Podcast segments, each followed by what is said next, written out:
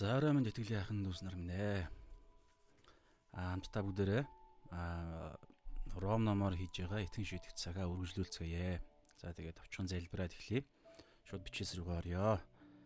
За өнөөдрийн на өнөөдрийн хуваар бол Ром 3 дугаар бүлгийн 27-оос 31 гээд 3 дугаар бүлэг манд дуусч байна. За тэгээд залбираад уншаад эхлэе. За би нэг дуугаа шалгаад Эзэн энэ цагийн төлөө би таньд талархаж байна. Тэгээд таны үнэн бүх зүйлийн стандарт бүх жинхэнэ хөдөлшгүй үнэнг таны үг агуулдаг учраас эзэн энэ цаг мөчид тань руу хандж байна. Тэг ямар нэгэн сэтгэл хөдлөл, мэдрэмж болсон үйл явдал а энэ дэлхийн ямар нэг ойлголт биш зөвхөн таны цорын ганц стандарт болсон цорын ганц тэрхүү хөдөлшгүй жанжин шугам тэр үнэн үнний тэрхүү стандарт болсон тань руу таны үг рүү хандаж байна. Тэгээд өнөөдрийн үгээр дамжуулан хөдөлшгүй мөнхийн үннээс эзэн ойлгоход та бидэнд ариун сүнсээрээ биднийг өдөрдөж өгөөч. Тэгээд дорой миний амийг ч гэсэн та ашиглаж байгаа учраас танд талархаж байна. Тэгээд та миний амаар дамжуулан надад ч гэсэн та өөрийнхөө үннээс илчлээж тэгээд энэ цаг мөчид гимшсэн сэтгэлтэйгээр бас даруй зүрх сэтгэлтэйгээр зөвхөн таныхаа өмнө эзнийхээ өмнө ирж байна. Есүсийн нэрээр аминь. За бүгд хамтдаа уншия. Өнөөдрийн хэсэг бол Ром 3 дугаар бүлгийн 27-оос 31 гэсэн нэг за хэдийн хэдхэн ишлэл байна. За тэгээд а уншаад ерөнхийдөө бол хам сэдвийн дагуу би нэг тайлбараад тайлбарлаа. Тэгээд ишлэлээр нь бүгдээр үзнэ. За өнөөдрийн гарчиг бол за эхлээ би гарчгаа шууд хэлчихье. За Steve One Passion үйлчлэлийн One Passion Ministries гэдэг энэ үйлчлэлийн аа одоо өдөрдөгч болох Стив Лосон гэх докторын ирчүүдийн библи судал дээр ерөнхийдөө тулгуурлаж дээр нэмэлттэйгээр явж байгаа. Тийм учраас та хүсвэл бас юу нэ YouTube дээр хилтэй хүмүүс нь One One Passion Ministries гэдэг YouTube сууг байгаа. Стив Лосон гэдэг пастор докторын одоо ерөнхийдөө өдөрдөж авч явдаг. За тэгээ бүгдээ уншия. Ром 3:27-оос 31. Тэгвэл сайрхал хаан байна. Хаан ч үгүй. Ямар ямар хуулиар зөвтгөгдөх вэ? Үйлсийн хуулиар үгүй. Харин итгэлийн хуулиар юм аа. Хүн хуулийн үйлсээр бус харин итгэлээр зөвтгөгддөг гэж бид үздэг. Бурхан зөвхөн юдэчүүдийнх гэж юу? Тэр мөн харийнхных босуу. Тийм ээ. Тэр бас харийнхных мөн. Яагаад гэвэл бурхан цорын ганц тул хоцлуулсныг нь ч итгэлээр хоцлуулаагүйг нь ч итгэлээр зөвтгөн. Тэгвэл бид итгэлээр итгэлээрээ хуулийг хүчингү болгодгоо огт үгүй. Харин ч бид хуулийг баттгадаг. Амен. За Ром ном болвол за Стив Лосон доктор бас ингэж оршлыг хэлж байгаа. Ирчүүдийн өнөөдрийн хэсэг дээр бол Тэгээ бас тэндээс би бас харсан зүйлээ нэмэлт мэдээлэл ч гэсэн танд бас хуваалцчихъя. Ром ном бол угаасаа бид бүгдээрээ мэдж байгаачлан Паулийн мэдээж зохиосон ном. Аа Паулийн бичсэн ном байгаа. Загтал байгаа. За тэгээд Ром цуглаанд ерөөсөө очиж байгаагүй. За тэгээд Паул 13 за 13 баха. За хольж утгаж иж магадгүй ш. Ямар ч байсан гэсэн Паул 13 байна уу 12 яг мартчихва. Хідэн ном би загтал бичсэн. За тэрний 5 дахь загтал нь гэж үзэж байна.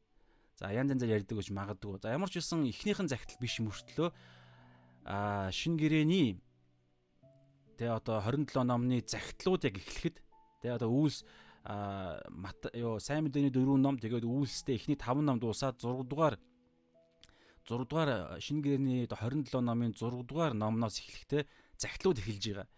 Ингэж эхлэхдээ Паулийн 13 би 13 гэж өө за манайхан комментээр биччихээрэй. Паул эдэн цагтлээд үлээ. Жохон харилцаатай байсан ч бас болж ин хаяа. Тэгэхээр Паулийн цагтлууд хамгийн эхлээд Ром номоор эхэлж байгаа. Гэхдээ Ром Ром ном бол Паулийн цагтлуудын тав дахь нь гинэ. Тэгэхээр нэг юм гоё нэг юм уйлдаа харагдсан байна л та. Паул Паулийн 3 аялал гэж бид сонсч ирсэн тий. За дөрөвдөх нь бол шууд Ром руу одоо баригдаад явж байгаа. Тэгээд тэндээ байж байгаа ерөнхийдөө бол яг нэг дунд нь суллагдж байгаа тэгээд цааздуулдаг. Тэгэхээр яг үндсэн яг албан ёсны сайн мэдээний гурван аяллах нь нэг эхний аяллаа төгсгөлд нэг загтал бичсэн юм байна. Хоёр дахь аяллаа төгсгөлд хоёр загтал бичсэн юм байна. Гурав дахь аяллаа төгсгөлд гурван загтал бичсэн юм байна. За тэгээ үлдсэн номнууд нь ерөнхийдөө бол тэ шоронгийн загтал магтал гэдэг ерөнхийдөө хойшоо явдаг. Тэгэхээр нэгдүгээр загтал хамгийн ихнийхэн загтал нь бол Галаат ном гэж үзэж байна. Эхний эхний аяллаа дараа. За хоёр дахь аяллаа дараа бол хоёр загтал бичсэн нь нэг хоёр дугаар Теслоник гинэ. За гурав дахь аяллаа дараа гурван загтал бичсэн нь нэг хоёр дугаар Коринт тэгээд Ром ном.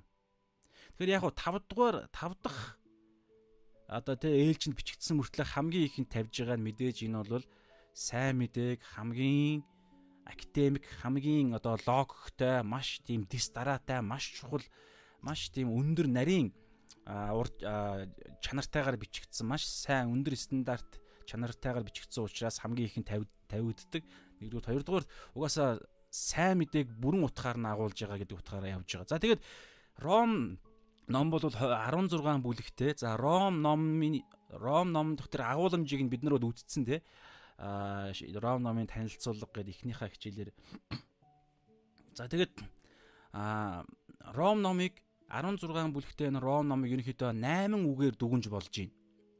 За нэгдүгээрт оршил, хоёрдугаарт за оршил Ром 1-ийн 1-ээс Ром 1-р бүлгийн 1-ээс 17 оршил 8 үгээр нь та цэдэлж болно гэсэн үг. Ром номын агуулгыг нь гэсэн. Ерөнхийдөө сайн мэдээний агуулгыг хэлсэн ч болно. Оршил. За хоёрдугаарт яллал гэдэг юм буруутгал. Ром 1-ийн 18-аас 3-ын 20 бид нар үзсэн. За 3 дугаарх үг нь болохоор зөвтгөл одоо бид нар үзэж явна. 3-ын 21-ээс 5-ын 21 5 дугаар бүлэг дуустал. 4 дугаарх нь болохоор үг нь ариусгал. 6 дугаар бүлэг 6 дугаар бүлэг тэр чигээрээ 7 дугаар бүлэг тэр чигээрээ харин 8-ын 17 дугаар ишлэл хүртэл хариуцгал.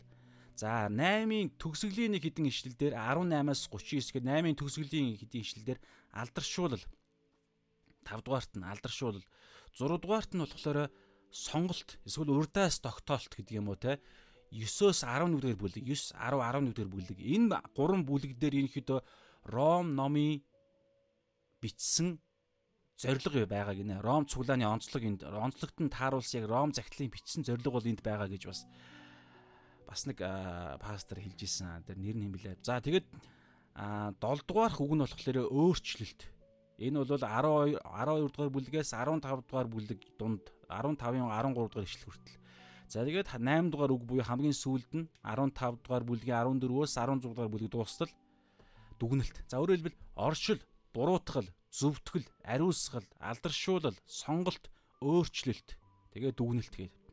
За энэ 8 үгэн дотор ерөнхийдөө бол Ром ном одоо энэ бодлын энэ шилжилт, сайн мэдээний энэ шатлсан одоо хэсгүүд нь агуулм бүрэлдэхүүн хэсгүүд хэсгүүд нь явагдаж байгаа шүү. Дамаа энэ арда буруутгал, зөвтгөл, ариусгал, алдаршуулалт за сонголтыг нь төр өгчөөд өөрчлөлт ч гэдэг юм уу те. Яг яга өгч байгаа гэхээр яг нэг дунд нь байгаа гурван бүлэг дээр ерөнхийдөө бол Израильчүүдийн талаар ярьж байгаа. Яг одоо юу гэдэг итгэгч нар бид нартай хамааралтайгаар арай илүү универсал те одоо бүгдийг хамарсан гэх юм бол энэ саяны дамаа энэ сайн мэдээний агуулга бол саяны хийдэг шүү.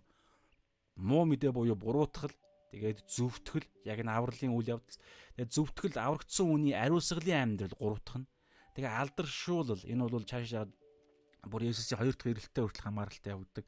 Тэгээд өөрчлөлт энэ амьд энэ хүн ямар эдгээр гайхалтай те эзний ивэл ерөөлийг энэ хүү гайхалтай бурхны хийж байгаа ажил ажлыг өөр дээрээ тээсэн хүн ямар өөрчлөгдсөн амьдралаар амьдрдаг вэ гэдг нь 12-оос ерөнхийдөө үлдсэн бүлгүүд явж байгаа. За за өнөөдрийн бидний одоо үзэж байгаа хэсэг Ром 3-ын 27-оос бид нар үзэж байгаа хэсгээс яг өмнө нь бүгдээрээ юу үзснийгаа нэг түрүү хэлсэн шүү дээ зөвтгөлийн хэсэг рүү одоо бид нар Ром 3:21-ээс орсон.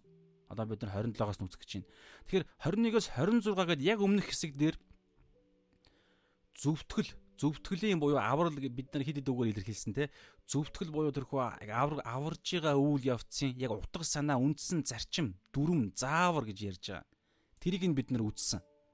Одоо яг яаж ямар дүрмээр ямар зааварчилгаагаар ямар үндсэн зарчмаар бурхан авардаг вэ гэдгийг бид нар а одоо дүрмийг нь хууль дүрм яг жинхэнэ авралын зөвтгөх тэр одоо онлыг нь үтсэн гэсэн үг. За 27-оос өнөөдөр үзэж байгаа хэсэг дээр даалд утга санаа яг гоо даалд гэдэг юм уу энэ итгэлээр зөвхөн итгэлээр зөвтгөх нь гэдгийг бид нэр одоо саяны Ром 3:21-ээс 26-ад үздсэн гэсэн үг. Зөвхөн итгэлээр хуулаас тусдаа ангид гэж 21 дээр те 20 дээр байна уу? 20 20 дээр 21 дээр байгаа те. Харин идүүгээ бурхны зөв нь хуулаас ангид илчлэгдвэ гэж байгаа юм те. Тэгэхээр энэ үний юм болвол энэ үнэнг дагаж өнөөдөр бид нар үзнэ. Гурван за даалд үнэн англиар бол implic юу лээ? implication гэж байгаа. Даалд үнэн, давхар үнэн гэдэг юм уу те. Нэг үннээс одоо логикийн уялдаагаар уялдаагаар гарах дараачийн давхар гурван үнэн өнөөдрийн а эдгээр хичлэлүүдээр байна. За тэгээд би довчхон нэг эхнийх нь юуг нь хэлээд гарчгийн бүгдээрээ хэлье. Тэгэхээр 27 28 дээр эхнийх нь давхар үнэн уялдаатайгаар цаашаага ундарч гарах дараачийн үнэн гэдэг юм уу давхар үнэн гэдэг юм уу далд үнэн гэдэг юм уу утга утга. Дараагийн утга те одоо утга санаа үнэн гэсэн үг. Тэр нь юу гэхээр а 27-оос 28 дээр бүх сайрхал устгагдсан. За та түрүүн би хэлсэн те 21-ээс 26 дээр байгаа энэ хэлэгдсэн үнэн үний юм утга санаа үний юм болвол эндээс дараа нь уялдаатайгаар дараачийн 3 үнэн гарна гэсэн. Тэгэхээр 21-ээс 26 дээр ямар үнэн байгаа вэ гэхээр хүн ямар ч хүн өөрийн хүчээр зөвтгөгдөх буюу аврагдах ямар ч боломжгүй. Өөрөөр хэлбэл хуулийн үйлс, хуулийг биелүүлснээр хуульд дуулууртай байснаар ямар ч хүн аврагдахгүй гэдгийг бид нар 20 дээр нь үтсэн тийм. Учир нь та ажилтлалын дэлгэц харж байгаа бол учир нь ямар ч маахгүй хуулийн үйлсээр тийм бурхны юм зөвтгөгдөхгүй гэж байна. Тийм учраас хуулиас тустай ганцхан арга замаар Бурхан өөрийнхөө зөвхт байдлаа биднэрт өгөх буюу зөвтгсөн, аварсан гэж байгаа. Тэр нь зөвхөн Есүс Христэд итгэх итгэлээр чаашлал бид нар дэлгэрэнгүй үтцсэн те. Есүс Христийн төлөөсөнд итгэх итгэл. Есүс Христ бүр чаашлаад Есүс Христийн цуснд итгэх итгэл. Тэгэхээр загалмайдаа болж байгаа үйл явцанд итгэх итгэлээр л хүн аврагддаг. За энэ үнийн юм бол эндээс уялдаатайгаар өнөөдөр бид нар үзэж үзэх хэсэгтэр гурван үнэн салаалж гарна гэж байгаа. Нэгдүгээрт 27-оос 28 дээр бүх сайрхал устгагдсан. Дээрх түрүүний ярьсан үнэн хэрэг үнэхээр үнэн юм болвол бүх сайрхал энэ сайрхал устгагдсан гэдэг энэ үнэн. Дараачийн салаалах далд утга санаа нь гарч ирж байгаа. Хоёр дахь нь 29-оос 30 дээр бүх ялгаа устгагдсан. Хоёр дахь салаалж байгаа утга нь. Гурав дахь а далд утга санаа салаалах үнэн нь юу гэхээр хууль нь за баттгагдсан, хууль батлагдсан. За энэ гурыг бид өнөөдөр үзэх юм.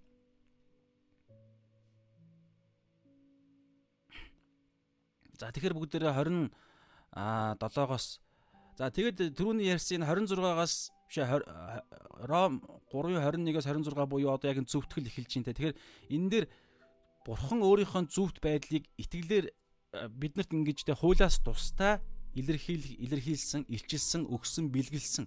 Ингээд бид нар үтсэн нэг юм 8 одоо тунхаглал 8 үнэн байгаа. Тэрээ бүгдээрээ би зүгээр товчхон дурдчихъя. Нэгдүгээр хуулиас хуулиас тусдаа хуулиас ангид биднэрт өөрийнхөө зөвхт байдлыг өгсөн. Нэгдүгээр. Хоёрдугаар хуучин гэрээ яг энэ энэ хуулиас тусдаа зөвхт байдлыг өгнө гэдгийг хуучин гэрээ бас гэрчилсэн. Хоёрдугаарт нь бид нар үтцсэн хэсэг. Гуравдугаарт нь энэ хүү бурхан зөвхт байдлаа бурхан өөрөө л хангадаг. Бурханаар энэ зөвхт байдал нь хангагдсан. Бурханых өөрийнх нь учраас. Дөрөвдүгээрт нь итгэлээр л энийг авдаг. Итгэлээр энэ өөгддөг. Илүү мундагтай, мэдлэгтэй, бурхан таалагдсан учраас биш. Итгэгсэн учраас өөгддөг. Тавдугаарт нь бүгдэд дутагдсан буюу бүх хүнд энэ бурхны зөвхт байдал хэрэгтэй бүх хүнд тэрхэн өөрийгөө юу гэж үзэх байхгүй бүх хүнд хэрэгтэй. Ягаад тэгэхээр бүх хүн гим нүглийн яар шийтгэл дотор үхэл рүүгээ буюу нэгдэх үхэл бүр цаашлаад үхлийн дараах мөнхийн галтнуур тамлагдах мөнхийн үхэл хүн болгон байгаа учраас ягаад тэр бүгд нүгэл үлдсэн. Тийм учраас бүх хүнд энэ Бурхны зөвхт үнгүү бэлэг хэрэгтэй. 6 дугаарт нь Бурханаар тунхаглагдсан бид нар үздсэн хэсэг те бурхнаар тунхаглагдсан бурхан энийг өөрөө зохион байгуулж энийг те энэ авралын төлөвлөгөөг одоо өөрөө зохион байгуулж байгаа. 7 дугаарт нь нэгүүлслэр бэлэглэгдсэн үнгүү үнгүү бэлэг энэ 8 үнэн сүнслэг ертөнцийн хідээж хизээж хөдөлшгүй бидний амьдралд бодит амьдрал дээр бидний одоо тэ оюун бодол дээр бидний хандлага амьдралын хэв маяг үг яриа үйлс бүх зүйлтэй эдгээр хамааралтай суur үннүүд хамгийн сүүлд 8 дугаарт нь Есүсээр төлөгдсөн буюу Есүсийн Бурхны зөвхт байдлыг бодиттой биелүүлсэн. За ийм 8 зүйл үтсэн. За эдгээр 8-аар илэрж байгаа ганц үгээр хэлэх юм бол Бурхан зөвхт байдлаа биднээс үл шалтгаалж өөрөө Есүсээр дамжуулан биднэрт бэлгэлсэн. Итгэх юм бол биднийх болно. За энэ үнэн хэр үнэн юм бол өнөөдөр бид нар үзэх гэж чинь гурван эндээс салаалсан үнэн гарнаа. Утга санаа гарнаа, давхар санаа, далд санаа. Далд гэдэг юм уу дараачийн одоо санаа гарч ирнэ. За 27-оос бүгд үзье. Тэгвэл тэгвэл сайрхал хаан байна. Хаанч байхгүй. За энэ тэгвэлгээд эхэлж байгаа. За дахиад унши 27-оос 3:27. Тэгвэл сайрхал буюу бардамнал сайрхал хаан байна вэ? Хаанч байхгүй. Ямар хуулиар зөв төгтөх вэ? Үйлсийн хуулиар үгүй харин итгэлийн хуулиар юм аа. За энэс наан нэг одоо юугийн загварыг нь би шууд харуулъя хэлье. За өнөөдөр шүү дээ Паулийн өнөөдрийн яг энэ хэсэг өнөөдөр бид нэр үзэх хэсэг дээр Паул маш гоё юм нэг юм ийм одоо давтсан нэг юм завгар харагдаж байгаа. Түрүүн хэлсэн те 27-оос 28 дээр эхний давхар утга санаа. А эхний одоо те утга санаа. А нэг тэр нь болохоор ямар бүх хүнд бүх сайрхал бүх сайрхал устгагдсан. Хэрвээ эхний тэр итгэлээр зөвхөн итгэлээр л зөвтгөхөднө гэдэг нь үнэн юм бол бүх сайрхал устгагдсан. За энийг Паул энэ эхнийхээ одоо энэ те утга санааг илэрхийлэхдээ нэг юм загвараар илэрхийлж байгаа. Энэ загвар ерөнхийдөө бол өнөөдрийн гурван утга санаан дээр гурван дээр нь энэ загварын дагуу Паул ярьж байгаа. Би одоо энэ захидлыг бичсэн гэсэн. Нэгдүгээр Паул асуулт тавьж байна. Асуулт асуун. Өнөөдөртөө их 27 дээр ингэж штэ. Тэгвэл сайрхал хаана байна? гээл эхнийх нь асуулт. Энэ гурван одоо энэ утга санааг илэрхийлэхдээ Гурван дээр нь нэгдүгээрт асуулт асууна, хоёрдугаарт өөрөө хариулна, гуравдугаарт тайлбарлана. Гурван дээрний давхар энэ санаа явж байгаа шүү. За тэгэхээр бүгдээрээ асуулт аа за энэ асуулт руу орохоос өмнө энэ давхар одоо энэ implication гэдэг байгаа энэ англиар бол implication гэж байгаа энэ даалт утга гэдгийг бүгдээр эхлээд нэг юуг нь томьёо тодорхойлтыг нь хараатах. Тэгэхээр ингэж байгаа implication гэдэг байгаа буюу далд утга санаа шууд ил утга санаа нь бол тодорхой хэлсэн шүү дээ. Ром 3-ын 21-с 26 дээр зөвхөн итгэлээр л зөвтгөгдөн. Зөвхөн итгэлээр зөвтгөгдөн. Хуулиас хуулийн үйлсээр биш. За энэ хэрэг үнэн юм бол эндээс энэ үнний цаана нь далд гэдэг юм уу? Энэ үннээс салаалan гарч ирж байгаа утга санаа авахгүй. Тэгэхээр энийг болох юу гэсэн үг гэхээр логик үр дагавар гинэ. Одоо логик буюу эрүүл ухаан эсвэл учир учир шалтгаанаас Учир шалтгааны одоо энэ бодлоор шууд үр дагавраар ингэж гарч ирэх дараачийн үнэн гэсэн үг байхгүй. Аа хэрэг үнэн юм бол А А гэсэн ойлголт үнэн бол А гэсэн англиар ярьчих те A гэсэн ойлголт үнэн юм бол B C D гэдэг энэ гурван ойлголт үнэн. Өөрөөр хэлбэл A гэдэг энэ ойлголт Ром 3:21-с 26. Ерөнхийд нь бацсах юм бол түрүүлсэн зөвхөн итгэлээр зөвтгөгдөн зөвхөн итгэлээр аврагдана.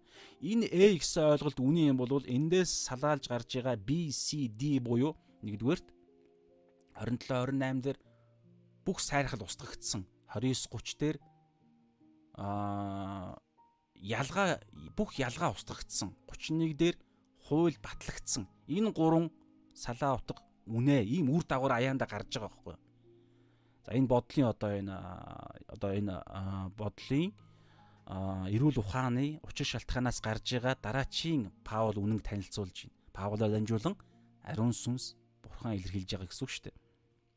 За тэгэхээр нэг үннээс гарах дагвар үнэн гэсэн үг. Тэгэхээр энэ зайлшгүй ингэж гарах ёстой үнэн учраас Библиэлд одоо бид нар танилцуулж байгаа. Маш тодорхой тий одоо яг энэ учир шалтгааны зайлшгүй гарах гурван үр дагаврыг одоо бид нар танилцуулж байна гэсэн үг. За Тэгэхээр бүгдээр одоо харъя. Нэгдүгээр хүнэн харъя. Тэгэхээр нэгдүгээр нэгдүгээр хүнэн бол бүх сайрхал бардамнал устгагдсан байхгүй болсон гэдгийг одоо Паул батална гэсэн үг. А шууд асуултаар эхэлж байна. За асуултыг бүгдээр дахиад уншия л да асуултыг. Тэгвэл сайрхал хаана байна вэ? Өөрөөр хэлбэл тэгвэл гээд эхэлж байгаа. Өөрөөр хэлбэл юу гэлээ? 20 дээр юу гэлээ? Ром 3:20 дээр ямар ч махбод хуулийн үйлсээр буюу өөрийн хүчин чармаалтаар нөгөө сайрхал чинь эндээс л гардаг штэ тий. Аливаа сайрхал бол би нэг юм хийсэн, би ажил хийсэн учраас төлөөсөө авъя. Би танд ийм хэмжээний мөнгө өгсөн учраас би одоо өрөө авъя гэдэг ийм л юм ярьдаг сайрхал бол. Гэтэл 20 дээр ингэж эхэлсэн штэ. Ямар ч махбод хуулийн хуулийн үйлсээр бурхны өмнө зөвтгөгдөхгүй хууль нүглийг мэдүүлэгч буюу хууль тухайн хүнийг станаар арчаагүй өрөвдөлтөй там руу мөнхийн галтнуур руу ямар ч шалтгаан шалтгаан тоочхгүйгээр шууд бүх хүн төрлөختөн там руу явах ёстой, шийтгэх ёстой, бурхны уур хилэнг хүртэх ёстой гэдгийг хууль баталдаг гэж хэлж байгаа. Тэгсэн чинь харин гэд 21-с 26 дээр бурхан хайртай учраас өөрийнхөө Иохан 3:16 те Есүсийг илгээгээд Есүсээр дамжуулан өөрийнхөө зүвт байдлыг биднэрт итгэх юм болов шүү дээ. Итгэхгүй бол биш. Итгэх юм бол үнэнгүйгээр бэлгэлнэ гэж байгаа. Тэгээ энэ бэлгийг хүн авсныхаа дараа өөрөөр хэлбэл аврагдсныхаа дараа итгэгч болоод аврагдсныхаа дараа хин нэгэн сайрах уу гэдэг асуулт гарч ирж байгаа байхгүй. Аврагдчаа тэр хүн сайрах уу? Тэгвэл сайрхал хаана байна вэ? Хаанч байхгүй. Яагаад сайрахгүй бол сайрхал яагаад устгагдж байгаа вэ гэхлээр ерөөсөө яг энэ 21-оос 26 дээр байгаа аа зүвт байдал аврал нь биднээс огт биш учраас гэсэн санааг одоо Паул ярьж байгаа байхгүй. За тэгэхээр асуулт сайрхал хаана байна вэ? Бардамнал сайрхал хаана байна вэ гэж байгаа. Тэгэхээр сайрхал бардамнал гэж байгаа энэ үг нь бол а тодорхойлолтод цаана ямар санаа байгаа вэ гэхээр надад бусдаас илүү зүйл байгаа учраас хүн өөрөөрөө сайрхаж бардамнаж бахархдаг тэ? Би хин нэгнээс илүү юмтай учраас.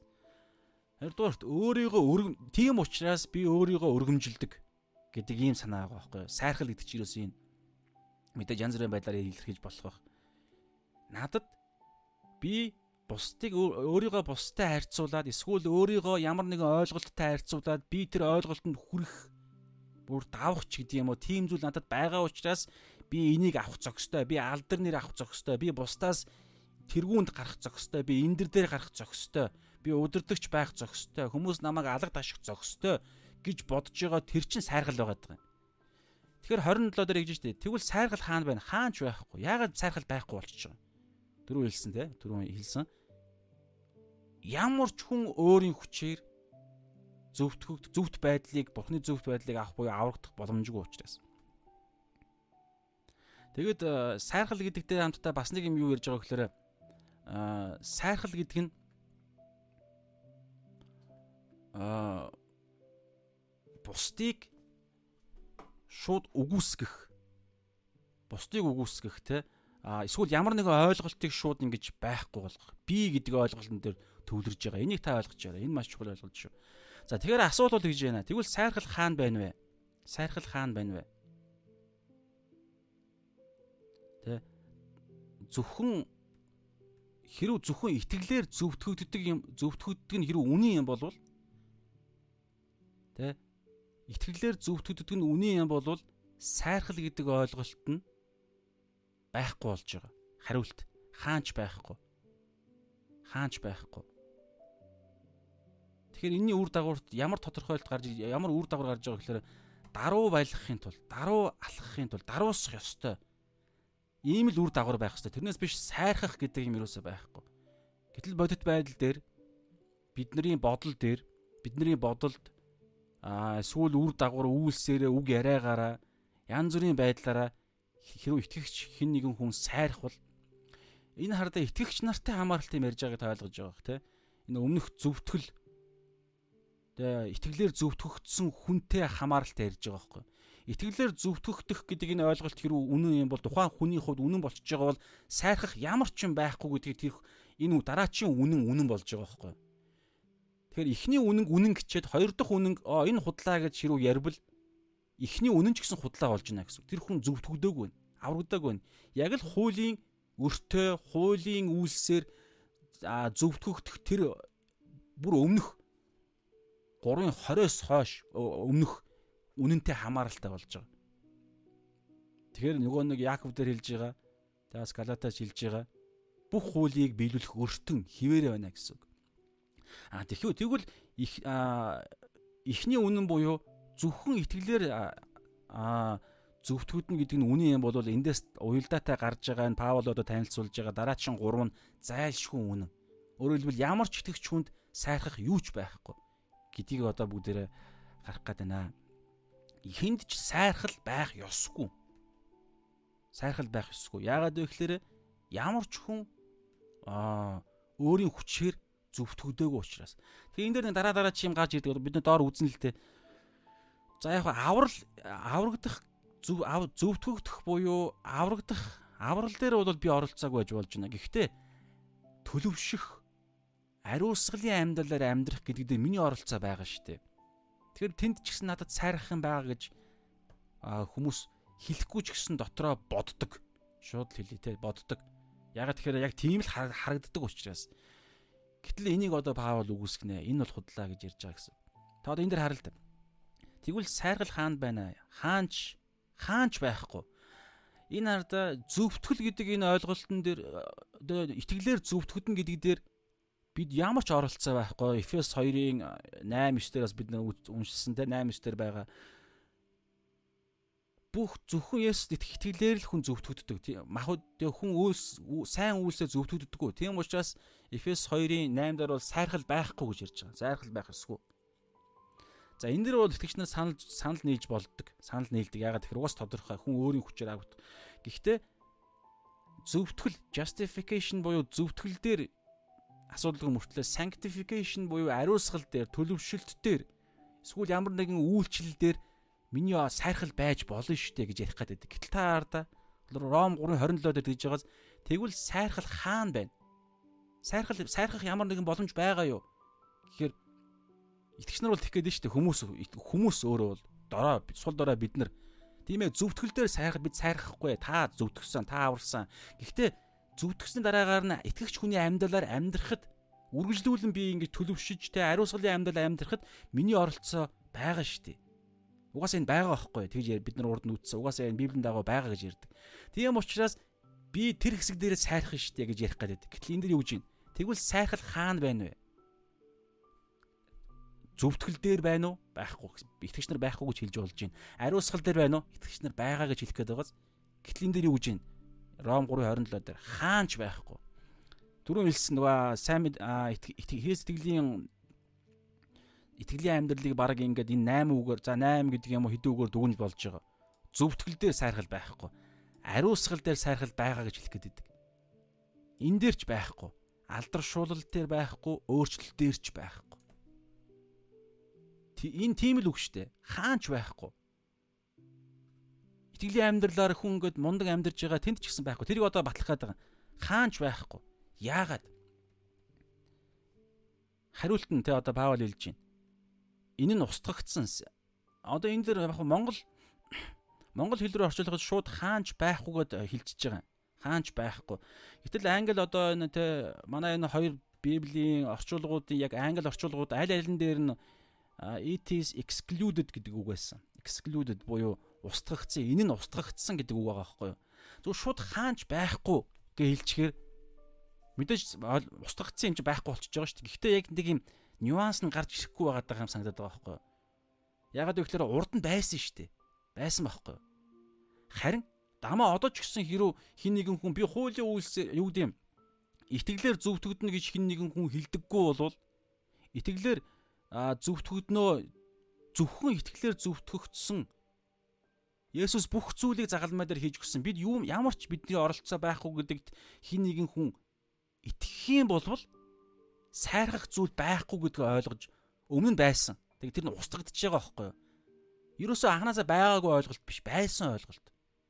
Тэр өтгөө түрүүн хэлэх гээд нь шүү дээ. Итгэгч нар хүртэл аа яг Библийн дагуу оюун санаагаа шинчлэхгүй болвол байх гад байдаг байхгүй юу?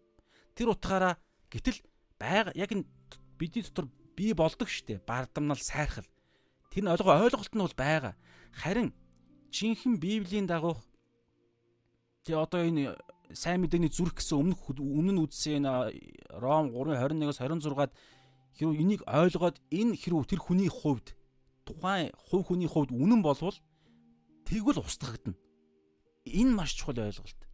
Хэрвээ энэ Ром 3:21-оос 26 дээр хин ойлголт бидний хувьд яг жинхэнэ хөдөлшгүй бүр амьдралын суур сайн мэдээний зүрх гэдэг шиг эндээс зүрх судсууд руу судсаар дамжуулан эргэтнүүд рүү цусыг хангадаг энэ зүрхэн үнэн бидний хувьд үнэн байвал устгагдана.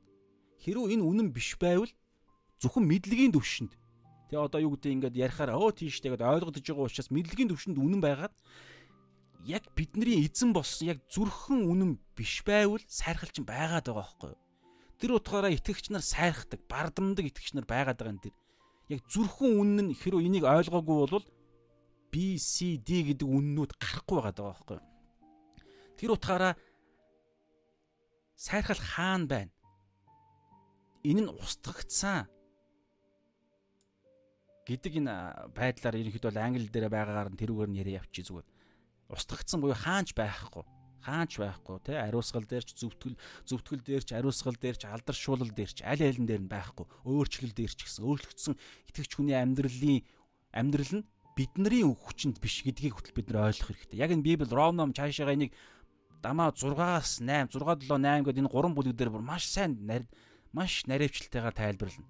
Ариусга одоо sanctification буюу зөвтгөгдсөн итгэсэн үний амьдрал, ариусгалын амьдрал ямар амьдрал вэ гэдгийг хүн ямар хүчээр гимгүү амьдрдаг вэ, гимиг ялдаг вэ гэдгийг одоо тайлбарлахад бид нар ойлгоно гэсэн. Өө тийм биш үү? Би өөрийн хүчээр ийм мундаг гимиг ялаад байгаа юм биш юм биш үү? Би өөрийн хүчээр бусдыг хайрладаг болоод байгаа юм биш юм бэ? Би өөрийн хүчээр муухай үг хэлдэг нь хэлхээ болоод байгаа юм биш юм бэ?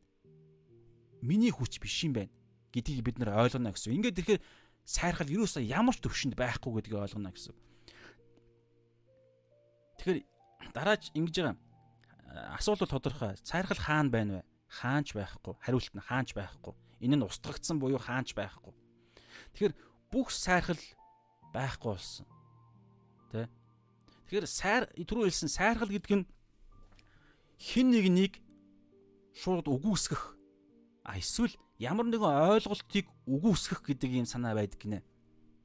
Өөрөөр хэлбэл би энэ хүнээс тэ энэ хүнээс би энүүгээрээ илүү ухраас миний энэ стандарт миний энэ эндэр дээр энэ хүн байх ёсгүй би л байх ёстой. Ягаад тэгэхээр би энэ хүнээс илүү ухраас би энэ хүнээс илүү зүйл надад байгаа учраас эсвэл ямар нэгэн ойлголт ярихаар тэ би өөрийн хүчээр би одоо итгэгч нартайгаа хамааралтад амаа зөвтгөгдсөн аврагдсан итгэгч нартай хамааралт ярих юм бол би өөрийн хүчээр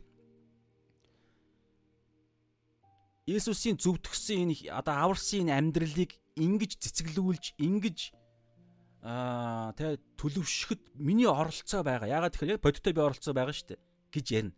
Тэр нь байгаа л та. Гэхдээ тэрийг цаана ямар ямар ажиллаад байгааг хүн ойлгохгүй болвол яг би энийг хийгээд байгааг сайрах гээд байгаа байхгүй. Би өглөө болгон эрт босч гин. Би Библиэ бариад сууж гин. Би тэгээ энэ хүнд ингэж тусал юу ярих юм байгаа нэ. Янз бүрийн ойлголтууд. Би ингэж ном уншиж ингэж өөр одоо библ судалж ингэж олон те одоо сургуульд сурж ингэж тэгэж би оюун ухаанаа ингэж шинжлэхэд миний оролцоо байсан. Би сонголт ингэж хийсэн гэж ярих гэдэг байгаа байхгүй. Би яг сонголт хийсэн. Би яг библийн сургууль сурсан. Эсвэл би яг аа те би пасторч болох пастор болох болохгүйч байж болох байсан. Тэ эсвэл би зүгээр а бизнесменийнхээ ажлыг бизнесийнхээ ажлыг хийж ягаад өргөлөө өргөнгөө ингээд ингэж болох байсан. Гэтэл би өөрийгөө золиослон байж би энийг сонгосон. Эсвэл би улс төрлөө гарах боломжтой надад олон чадвар байсан. Тэр нь ч гэсэн байсан. Гэхдээ тэр нь хаанаас юм бүүмэд? Тодорхойгүй тэрийг бодохгүй зүгээр. Яг л үүгцэн энэ гар дээр байгаа юмаа хараад Тэгэхээр би ийм байгаа юм чинь би энийгээ золиослоод ингэсэн. Би би би гэдэг юм нь хуучин оюун ухаан байгаад байгаа үргэлжлүүлэн байж одоо итгэвч болсны дараа ч гэсэн бай биднэрт байдаг шүү дээ. Тэр утгаараа а сайхал гэдэг нь төлөвшсөн амьдралаар амьдрах эсвэл мундаг Христ итгэгчийн амьдралаар амьдрахад миний оролцоо би өөрийн хүчээр би энэ төвшөнд гарсан учраас би сайрах гэж байна гэж ярьдаг. Хэлбэл одоо яг Библийн ойлголт нь бол ингэх байхгүй юу? Ариун сүнсний хүчээр сүнсээр яв. хүн Ром 8-ын 4-дээр байгаа ариун сүнсээр Галат 5:16-д сүнсээр явж ижил хүн хуулийн үйлсийг биелүүлдэг. Өөрөөр хэлбэл Бурхны тэрхүү хүсэж байгаа тэр нэг юм стандартаар явдаг. За тэр уучлаарай би газ нэг юм слайд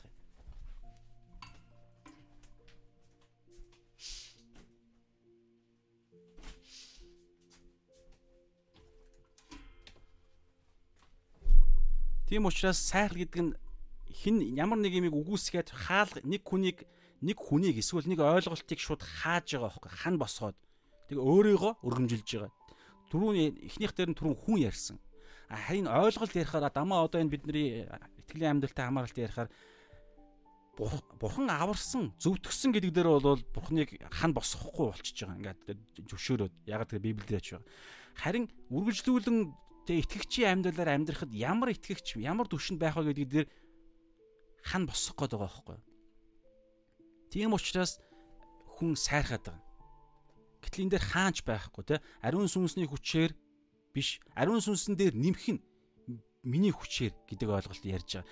Гэтэ энэ дээр цаашаага ерөнхийдөө бол Ром 6-аас 8 дээр дэлгэрэнгүй ярина. Миний оролцоо бол байх нь байгаа байхгүй. Тэгэхээр тэрийг маш нарийн маш сайн ойлгохгүй бол хүмүүс сайрхаад идэг сайрхаад идэг. Энэ сайрхал гарч ирэхээр одоо доороос үзнэ бурхны аа ташуур орж ирж байгаа байхгүй. Ташуур. Одоо би ишлэлээр нь доороос хэлнэ. Одоо урдчилж яриад явах. За. Тэгэхээр нэгдүгээрх аа даалд үнэн гэдэг юм уу салаалсан үнэн давхар утга учир нь хэлсэн. Бүх сайрхал устгацсан гэдэг дээр асуулт тавьсан те. Сайрхал хаана байна? Хаанч байхгүй.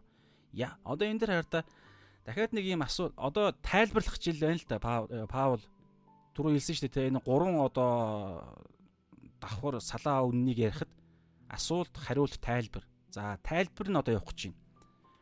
Тэгээ энэ тайлбар нь яаж байгаа гэхээр Паул асуултаар эхэлж байгаа. Ерөнхийдөө бол асуултаар тайлбарлаж байна гэсэн үг. За ямар хуулиар зөвтгөгдөх вэ? Үйлсийн хуулиар үгүй харин итгэлийн хуулиар. За энэ дээр аа ямар хуулиар зөвтгөх вэ? Дөрөв хэлсэнтэй яагаад сайрхал ямар үед сайрхал байхгүй болох вэ гэхээр зөвтгөл гэдэг энийг л яг ойлгож иж эндээс дараагаар нь сайрхал устгах устгагдах ганц боломж нь тэнд гарч ирээд энэ хараад байна л да. Ер нь бол тэгж байгаа. Зөвтгөл гэдгийг дахин төрөх зөвтгөх аврагдах гэдэг нь эндээс ч юусоо бүх юм хийгдэт байгаа байхгүй. Тэгэхээр энийг маш сайн ойлгох юм бол эндээс дараагаар нь дараа дараагийн буруу ойлголтууд гарахгүй гэсэн.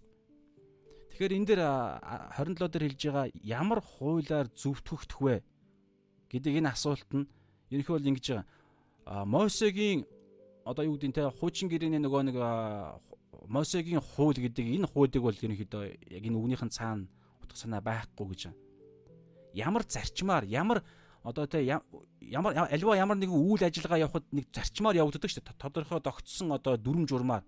Тэгэхээр ямар зарчмаар зөвтгөгдөх вэ гэдэг асуулт. Үйлсийн хуулиар одоо тэ үйлсээр үйлс үйлсээр зөвтгөгдөх үү гэдэг асуулт тэ асуулт. Үгүй харин итгэлийн хуулиар гэж байна. Тэгэхээр Энэ болохоор зөвхөн зөвтгөгдөх гэдэг дээр ч биш. Цаашаага үргэлжлүүлэн ариусгал түрүү ярьсан. Ариусгал тэ алдрагшуул бол бүх юм дээр дандаа энэ зарчмаар явагддаг гэж. Итгэлээр. Итгэлээр. Одоо бид нар ингээд ерөнхийдөө бол ухаж эхэлж штэ. Яг Библийн дагуу. Тэгээ ингэж ухаж ингэж яг Библийн дагуу үннийг нь цааш нь ухаж ойлгохгүй бол амьдрал дээр тэрийг нь хэрэгжүүлэхэд үр дагавар нь гарахгүй шүү дээ. Яг үнний дагуу байж ижил үр дагавар нь гардаг. Тэгэхээр бурхан аа за бүгд 27 дээр тайлбар дээр нь ямар хуулиар зөвтгөгдөх вэ? Ямар зарчмаар зөвтгөгдөх вэ? Тэгэхээр итгэлийн хуулиар. Тэгэхээр юунд итгэх итгэл вэ гэхээр Есүсийн төлөөс Есүсийн хийсэн загалмай дээр хийгдсэн тэр ажилд тэр үйл явдалд итгэх итгэлээр зөвтгөгднө гэж байгаа. Тэгээ цаашаа бид нар үзнэ. Бас тэрүүгээр ч гэсэн ариусгагддаг. Тэрүүгээр бас алдаршуулагддаг. Тэрүүгээр өөрчлөгддөг. Тийм учраас бүх итгэлийн амьдралын бүх шатанд Есүсийн загалмай үйл явдал үргэлжлүүлэн бид нарыг зөвтгдөг, ариусгадаг. Тэгээ одоо гимдэг одоо нэгдүгээр явах нэгдүгээр явах нэгэн долоогоос дээр бол бузар муугаас цэвэрлдэг гэж байгаа. Биднийг өөрчилдөг, эрх чөлөөнд гаргадаг, алдаршуулдаг бүх юм. Энийг ойлгочих юм бол энэ үннийг ойлгочих юм бол энэ үнний дагуу амьдрна гэсэн үг шүү дээ. Тэгээ үнний дагуу амьдрах юм бол үнэн та нарыг чөлөөлнө гэж Иохан 8:31 32 дээр хэлдэг. А энэ үнний дагуу явахгүй бол эн чин цорын ганц зам шүү дээ, тэ? Матай 7-гийн 13 14 дээр хэлж байгаа. Цорын ганц зам. А Иохан 14 6 дээр бол Есүс өөрөө цорын ганц зам. Тэгээ Матай 7-гийн 13 14 дээр хавчиг хаалга нарийн зам авралд хөтэлдэг. Тэгэхээр яг энүүгээр явж ижил бид нар итгэлийн амьдрал дээр үр жимс гарна гэсэн үг. Ирэх чөлөөтэй амьдрна гэсэн үг. Өөрөөр хэлбэл аврал нь Есүсээр ариусгал буюу итгэлийн амьдрал нь Есүсээр өөрчлөлт, цэвэрлэгээ, гим нүглээг ялж шид, ялж байгаа бүх зүйл дандаа Есүсийн загалмай дээрх үйл явдлаар.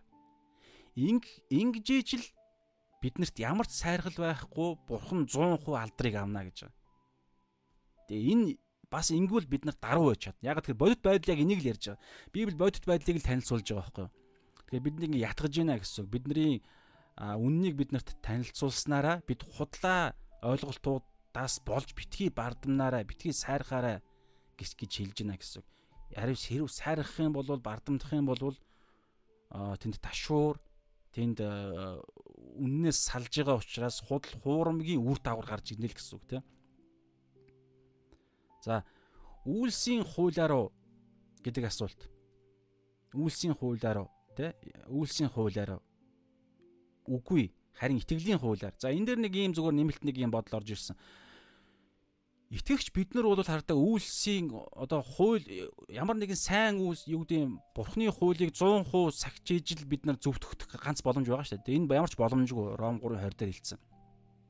Тэгэхээр итгэж бидний хувьд үйлсийн хуулиар зөвтгөх ямар ч боломж байхгүй. Хүн бидний хувьд бүх хүн төрлөختний хувьд. Харин нэг хүний хувьд гэхдээ энд ингэж байгаа байхгүй. Есүсийн хувьд л энэ яг жоохон салаа зүгээр нэмэлт нөхөл зүйлт гэдэг шиг юм тайлбар шүү. Үйлсийн хууль Есүсийн хувьд үйлсийн хуулаар зөвхт нэгэн гэдгээ баталсан. Нэгдүгээр, хоёрдугаар Есүс угаасаа бурхан шудраг учраас бид нарыг зөвхт байх ёстой, ямар ч гэмгүй байх ёстой гэдэг энэ стандарт чинь үргэлж энэ шаардлага, хуулийн шаардлага чинь үргэлж хിവэрэ. Хүн төрөлхтнөөс энийг шаардна гэсэн хүн болгоноос. Гэтэл Есүс бидний өмнөөс үйлсийн хуулаар зөвхт гэдгээ баталснараа биднийг зөвтөх зүвтгсэн а тэр зүвт байдал нь Есүс өөрийнхөө зүвт байдлаа тэгж баталсан байхгүй. Тэгээд бас бидний өмнөөс загалмай дээрх үхлээрээ чадаагүй хүмүүсүүдийн хуулийг биелүүл чадаагүй хүмүүсүүдийн төлөөсийг өөрийнхөө үхлээрээ төлсөн. Тэгээ оронд нь өөр бидний бузар мөг өөр дээрээ аваад өөрийнхөө түрүү ярьсан шүү дээ хуулийн үйлсээр зүвт амьдрсан гэдэг тэр зүвт байдлаа биднэрт өгсөн. За энийг та ойлгоорой. Энэ бас нөгөө тэнгэрлэг солилцоо гэдэг энэ теологийн хэллэг байдаг. За Тэгэхээр бол бидний хувьд бол үгүй. Бид ерөөсөө ямар ч хуулийн үйлсээр зөвхт хөгдөөгүй. Тэ? Тиймээс сайрхал нь устгагдсан гэдэг энэ тайлбар байгаа даа. Бидний ямар ч оролцоо байхгүй.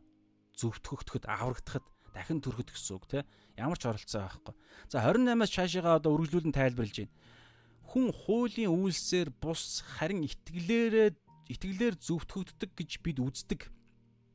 За энэ англи хэл дээр бол үз энэ үздэг гэдэг энэ үг нь аа цаашаага те одоо ингээд тайлбарлаж байгаа юм л да энэ үгийг ингээд цаашаага ингээд тайлбарлахлаар яг Монгол хэл дээр бол тэгж үздэг тэгж ойлгогддог гэдэг байдлаар ярьж байгаа бол яг англи үгийг нь тэ эхлэлийг нь ч гэсэн ингээд цааш нь ингээд задлахаар ингэж байгаа. Хүн хуулийн үйлсээр бус харин итгэлээр зөвтгөгддөг гэж бид нар баталдаг. Энэ ойлголтыг бид хамгаалдаг. Ингиж хадгалагддаг. Энэ ойлголт ингэж үргэлж эндээ ингэж remain буюу ингэж үлддэг. Тэ гэсэн санаа хүн хүн хуулийн үйлсээр биш харин итгэлээр зөвхт хөгддөг гэдэг нь Библи Бурхан энийг баталдаг. Энэ ойлголт үргэлж хамгаалагддаг. Тэгэхээр энэ үнэтэй нэгдэж аа дараачийн үр жимс нь гарна л гэсэн үг те. Энэ бол дахин давтаж хэлж байгаа. За энэ дээр бас нэг ийм ойлголт байгаа.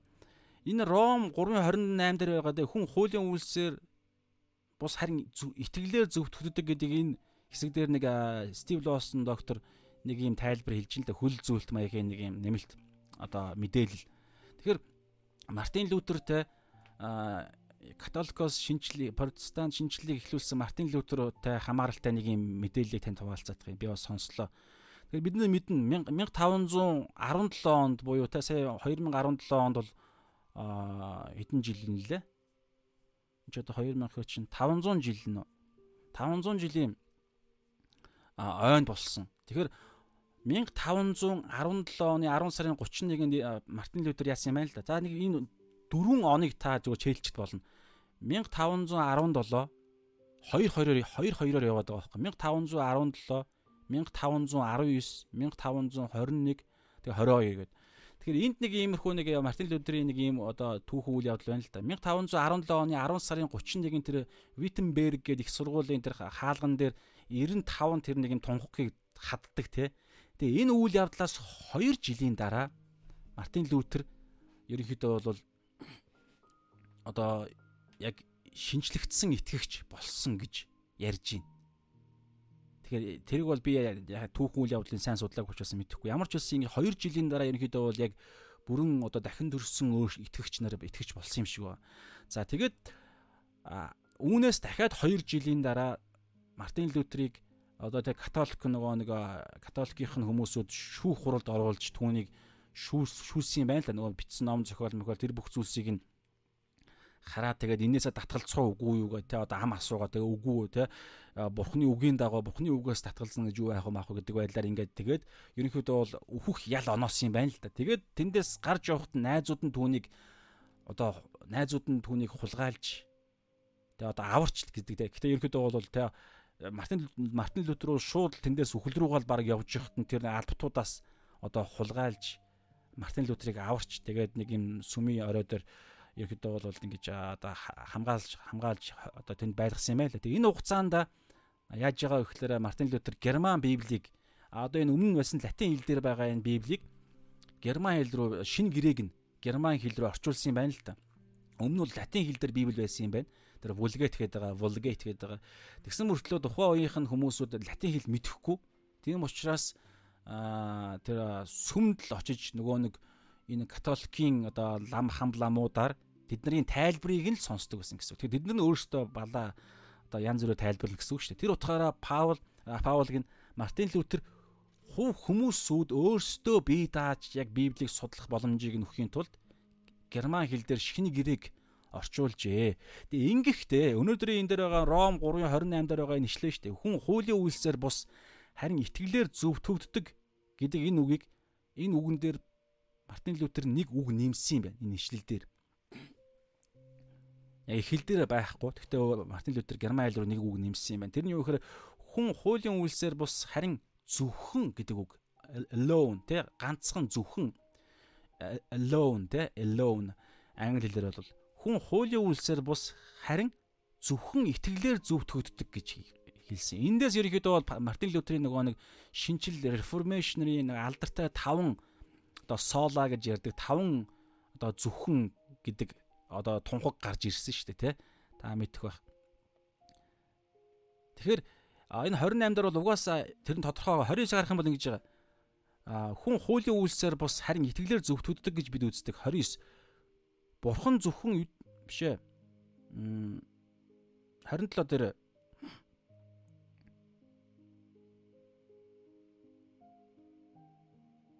За биш хаана вэ? Тэгвэл сайргал хаана байна? 28 дээр хуулийн үйлсээр бус харин итгэлээр зөвтгөдөг гэж бид үздэг. 29 зөв бурхан зөвхөн үдээчүүдийн биш өмнө байгаа юм ба. За ерөнхий санаа бол за 21 дээр харин идүүгээ бурхны зөв нь хуулиас ангид ишлэгдв. Хуулиас ангид. За би яг нэг ишлэгийг нь уг нь тэмдэглээгүй байна л да. Ерөнхийдөө бол ийм санаа байхгүй. Хүн зөвхөн итгэлээр зөвтгөгддөг. Хүн итгэлээр зөвтгөгддөг. Хуулаас ангид Тэ сая 21 дээр тэгж штэ хуулиас ангид. Тэгэхээр хуулиас зөвхөн гэдэг үг нь байхгүй байгаа байхгүй. Одоо энэ дээр бол тэгтээ яг энэ бол жоохон юуны асуудал.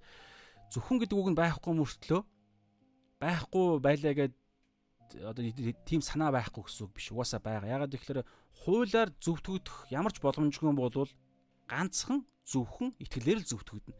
Тэгэхээр ийм санааг яг Мартин Лютер ингэж одоо Библиэд бүр оруулж өгсөн юм байна л да. Тийм нэг мэдээлэл ярьж байгаа. Тэгээд энэ дээр би яг танд хуваалцчи таван нөгөө нэг сола гэдэг байгаа таван зөвхөн одоо шинжил одоо энэ одоо бид нар бүгдээрээ одоо энэ протестант урсгалаас урсгалаас одоо салаалсан итгэгч нар шүү дээ одоо тий. Яг католик буюу гаж буруугаас гаж бурууг дэрслэн гарч ирсэн яг библийн дагуух зөв одоо итгэл үнэмшил. Тэгэхээр энэ дээр бол нэг таван одоо зөвхөн гэдэг дээр нэгдүгээрт зөвхөн итгэл, хоёрдугаарт зөвхөн бичээс, гуравдугаарт зөвхөн Христ, дөрөвдүгээрт зөвхөн нэгүүлсэл, тавдугаарт зөвхөн бурханд алдрыг өргөнө гэдэг. Ийм таван ойлголт яг одоо бидний аа тий зарчим тэгээ одоо нөгөө нэг таван одоо багаж гэдэг юм уу те таван одоо урай лоодсон байгаа даа байхгүй. Тэгэхээр solo fide гэж байна. Одоо энэ грек хэл дээрээ болов гэж бодож байна. Solo fide, sola scriptura, sol solus Christus, sola gratia, soli deo gloria гэдэг нэг юм таван үг байгаа даа. Латин илүү грек илүү латин хэлэж магадгүй. Тэгэхээр энэ ойлголт. Тэгэхээр хүн итгэлээр зөвтгөгддөг юм болвол нэгдүгээрх нь тавдугаарх нь юу гэж байна? Бурхан зөвхөн бурханд зөвхөн итгэлээр нэгдүгээрт хоёр тавдугаарт нь төгсгөлд нь зөвхөн бурханд алдрыг өргөнө. Тэгэхээр хүн зөвхөн итгэлээр зөвтгөгддөг юм болвол бас зөвхөн итгэлээр ариусгагддаг. Тэ одоо тэр бүх зүйл дараа дараагийн бүх зүйлс нь зөвхөн Есүсийн тэрхүү бурхны хангамжаар энэ болдог бол хүнд өөрт нь ямар ч алдар байхгүй байхгүй. Тэр утгаараа энэ бидний одоо тэ шинжлэлийг эхлүүлсэн энэ таван тунхагийн тэгээ тав энэ тав маш чухал.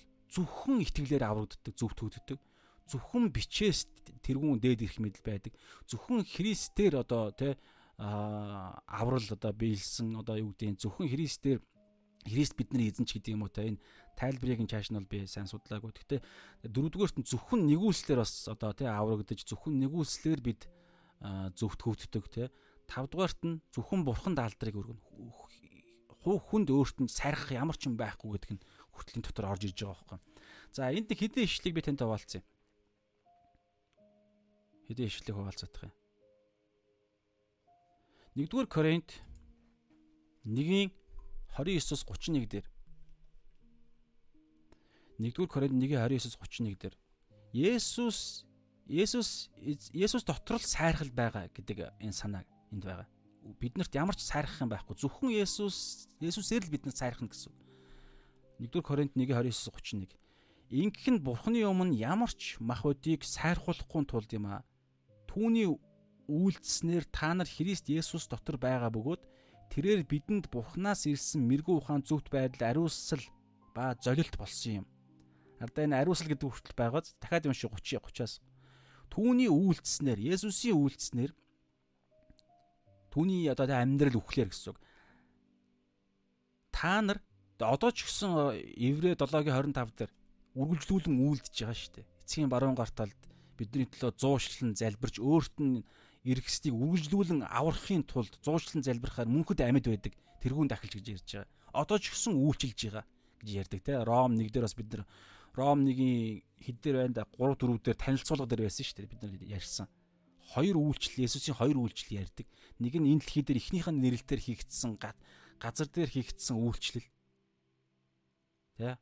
Яг бүх загалмай үйл явдал төлөөс хуулийн шаардлагыг биелүүлсэн хоёр шаардлага Хоёрдугаарх нь дээшээгээ өргөгдөөд эцгийн баруун гар тал залрахтаа тэгээд ариун сүнсийг илгээгээд ариун сүнсээр дамжуулан үргэлжлүүлэн одоо ч гэсэн үйлчилж байгаа. Зуушлан залбирч бас ариун сүнсээр дамжуулан биднэртэй харилцаж ярьж хайрлаж бүх. Тэгэхээр энэ дээр хараа 30 дээр 1-р Коринт 1-ийн 30 дээр түүний үйлдэлснээр өнгөрсөн одоо ч гэсэн үйлдэж байгаа. Үйлдэлснээр та нар Христ Есүс дотор байгаа бөгөөд тэрээр бидэнд бурхнаас ирсэн тэрээр бидэнд бурхнаас ирсэн мэрэгэн ухаан зөвхт байдал Тэ Есүс бол бидний бурхнаас ирсэн мэрэгэн ухаан. Яохан нэг дээр бол Есүс бол үг Эхэнд үг байсан те тэр үг үг өөрөө ирсэн. Мэргүү ухаан, зөвхт байдал. Түүний амьдрал амьдрал амьдралаараа 33 жил амьдрахтаа ямар ч те гим нүгэл үйлдэхгүйгээр үйлсээрээ зөвхт байдлаа энэ дэлхий дээр те одоо шудрагаас шүүх шүүх танхимд батлаад тэгээ бид бидний өмнөөс үхэхдээ өөрийнхөө зөвхт байдлаа биднэрт үнгүүгээр бэлгэлсэн. Бурхны зөвхт байдлыг. Тэгэхээр Бурханаас ирсэн мэрэгүү ухаан, зөвхт байдал, ариусл. Энэ ариусл хүртэл Есүсээр, Есүсийн үйлдэснээр, ариун сүнсээр нь одоо ч гэсэн үргэлжлүүлэн загалмай дээрх зөвхт одоо бидний зөвхт өссөн үйл явдал үргэлжлүүлэн ариун сүнсээр эцгийн баруун гар талд үргэлжлүүлэн одоо ч гэсэн бидний өмнөөс те зуулшин залбих гэдэг энэ бүх зүйлсээрээ биднийг бас ариусгаж байгаа. Тэгэхээр загалмай дээр загалмай үйл явдал сайн мэдэн итгэх үед бид нар зөвтгөгддөг тэр мөчөд тэр даруй ариусгагдал ариусгал эхэлдэг гэж ярьдаг шүү. Зөвтгөл ариусгал хоёр нэг мөчөд зэрэг эхэлдэг. Аа тэгээд хүн нэг болгоны одоо ялгаатай байдлаас шалтгаалж тэ хэр ихтгэл дуулууртай байдал хэл зориулалттай байдлаас шалтгаалж ариусгалууд янз янзын процессыг яригдж байгаа. Бидэнд Бурханаас ирсэн мэрэгүү ухаан зөвхт байдал ариусгал ба золилт болсон юм а. Ингэснээр сайрхагч нь эзэн доторх сайрхаг гэж бичигдсэних бичигдсэнчлэн байх ажээ. За хоолой жоох нэг сонир болоод байгаа. Тэгэхээр ерөөсөө бүх юм Есүсийн дотор л сайрхал байгаа. Тэгэхээр өнөөдөр итгэгч бид нар жилийн амьдралаар амьдрахад ямар нэгэн сайрах юм байгаа гэж үзвэл тэ бид нар маш буруу ойлголт бодолтой явж байна л гэсэн үг. Сайрах юм бид нарт юуж байхгүй гэж ерөнхийдөө ярьж байгаа. За 1-р Коринт 4-ийн 7 дээр энэ дээр одоо асуулт тавьж байгаа Паул. Коринт цуглаан бол ерөнхийдөө маш Паулыг их зовоосон цуглаан юм байна л да. Ингээд Паулын одоо төвчээрийн хязгаарыг маш ингэж сунгасан. Тэгээ одоо нэгүслийг маш их одоо нэгүсэл маш хэрэгтэй цуглаан байсан юм шиг байна. Тэгэхээр энэ дээр Паул аргаан бараад нэг юм асуулт тавьж байгаа. 3 дээр ингэж байгаа да. 1-р Коринт 4-ийн 3 дээр та нараар эсвэл хүний шүүхээр шүүлгэх нь миний хувьд тун ялахгүй зүйл. Би өөрөө ч гэсэн өөрийгөө шүүдэггүй. Паулыг хүртэл эдгээр шүүж шүүдэг байсан байгаа. Шүүжсэн байгаа даа байхгүй. Тэгээ элчийнх нь эрх мэдлийг нь хүртэл одоо тэ одоо асууж тийм одоо бүр ингэ сайрхаж би өөрийгөө Паулын дээр хүртэл тавьж тэ бүр тийм төвшин. Тэгээ энэ дээр ингэж хэлж байгаа. Паул 1-р Коринт 4-ийн 7 дээр Үнэндээ хинч үнэндээ хин чамайг илүү гээв. Коринтын итгэгчнэр танд ингэж асууж байгаа. Хин чам та нарыг илүү гэж хэлж байгаа. Үнэндээ хин чамайг илүү гэсэн юм бэ? Илүү гээв. Чи байгаагаа хүлээж аваагүй гэж юу? Чамд байгаа бүх хэрэг сэтгэлийн амьдралд чинь байгаа энэ биднэрт тавигдж байгаа асуулт ч тийм. Хэрэг сэтгэлийн амьдралд байгаа бүх сайн сайхныг та нар хүлээж аваагүй гэж юу? Бурхан та нарт үнгүүгээр өгөөгүй гэж юу гэдэг асуулт хин чамайг илүү болгоцсон. Тэр илүү болгож байгаа тэр нэг сайн сайхан тэр бусдаас илүү мэдлэгтэй, бусдаас илүү одоо юу гэдгийг зүвт байдал майдалтай тэр үр жимс чинь та нарт бэлэг болгож өгөөгүй гэж юу? Та нар асуулт дахиад уншия. Үнэн дээр хин чамайг илүү гээв. Чи байгаагаа хүлээж аваагүй гэж юу? Үнэхээр хүлээж авсан юм бол аваагүй юм шиг чи юунд сайрах нь вэ? Өөрөөр хэлбэл Христ сэтгэлийн амьдрал чамд байгаа та нарт байгаа тэр сайн сайхан сайрхаад барднаа би бусдаас илүү би ингэж те магтаалыг алдрыг авах зохистой би ийм төвшөнд байх хэвээр би ийм цалин авах хэвээр юу гэдгийг ингээд ингээд ингээд сайргаад байгаа тэр нэг юм илүү сайн тэр нэг бодиттой сайн зүйл шүү дээ. Яг бодиттой бусдаас илүү нэг юм чадвар одоо юу гэдгийг мэдлэг чадвар гой дуулдаг ч юм уу эсвэл гой янз бүрийн тэр нэг юм сайн гэдэг байгаа тэр зүйлс чинь та нар хүлээж аваагүй гэж юу гэж ярьж байгаа Тэгэх юм бол үнэхээр хүлээж авсан юм бол яагаад та нар энийг хүлээж аваагүй буюу аваагүй юм шиг сайрах нэ буюу өөртөө энийг өөрсдийнхөө хүчээр энийг бий болгосон юм шиг яагаад сайрхаад байгаа юм бэ? Та нарт үнгүүгээр бурхан бэлгэлсэн шүү дээ. Ариун сүнсээрээ ариун сүнсний бэлэг аяас гэдэг ариун сүнс та нарт хуваарлсан. Гэтэл энийг энийг та нар үнэг зөвтгөл нь үнгүү. Тэ? Ариусгал нь хүртэл ариун сүнсний хүчээр.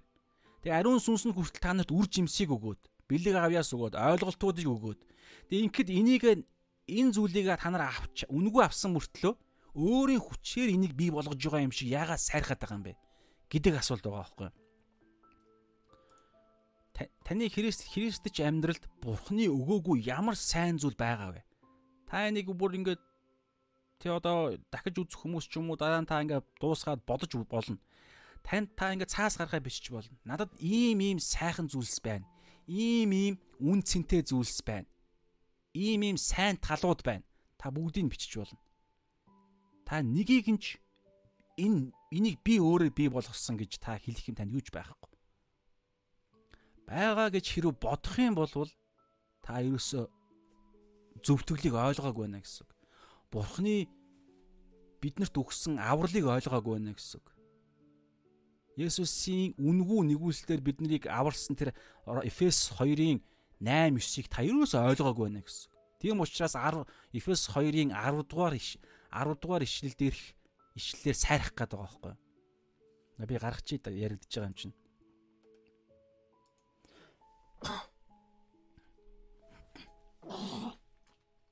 За уучлаарай энэ хоолой нэг юм хараагаад нэг сонин цаана.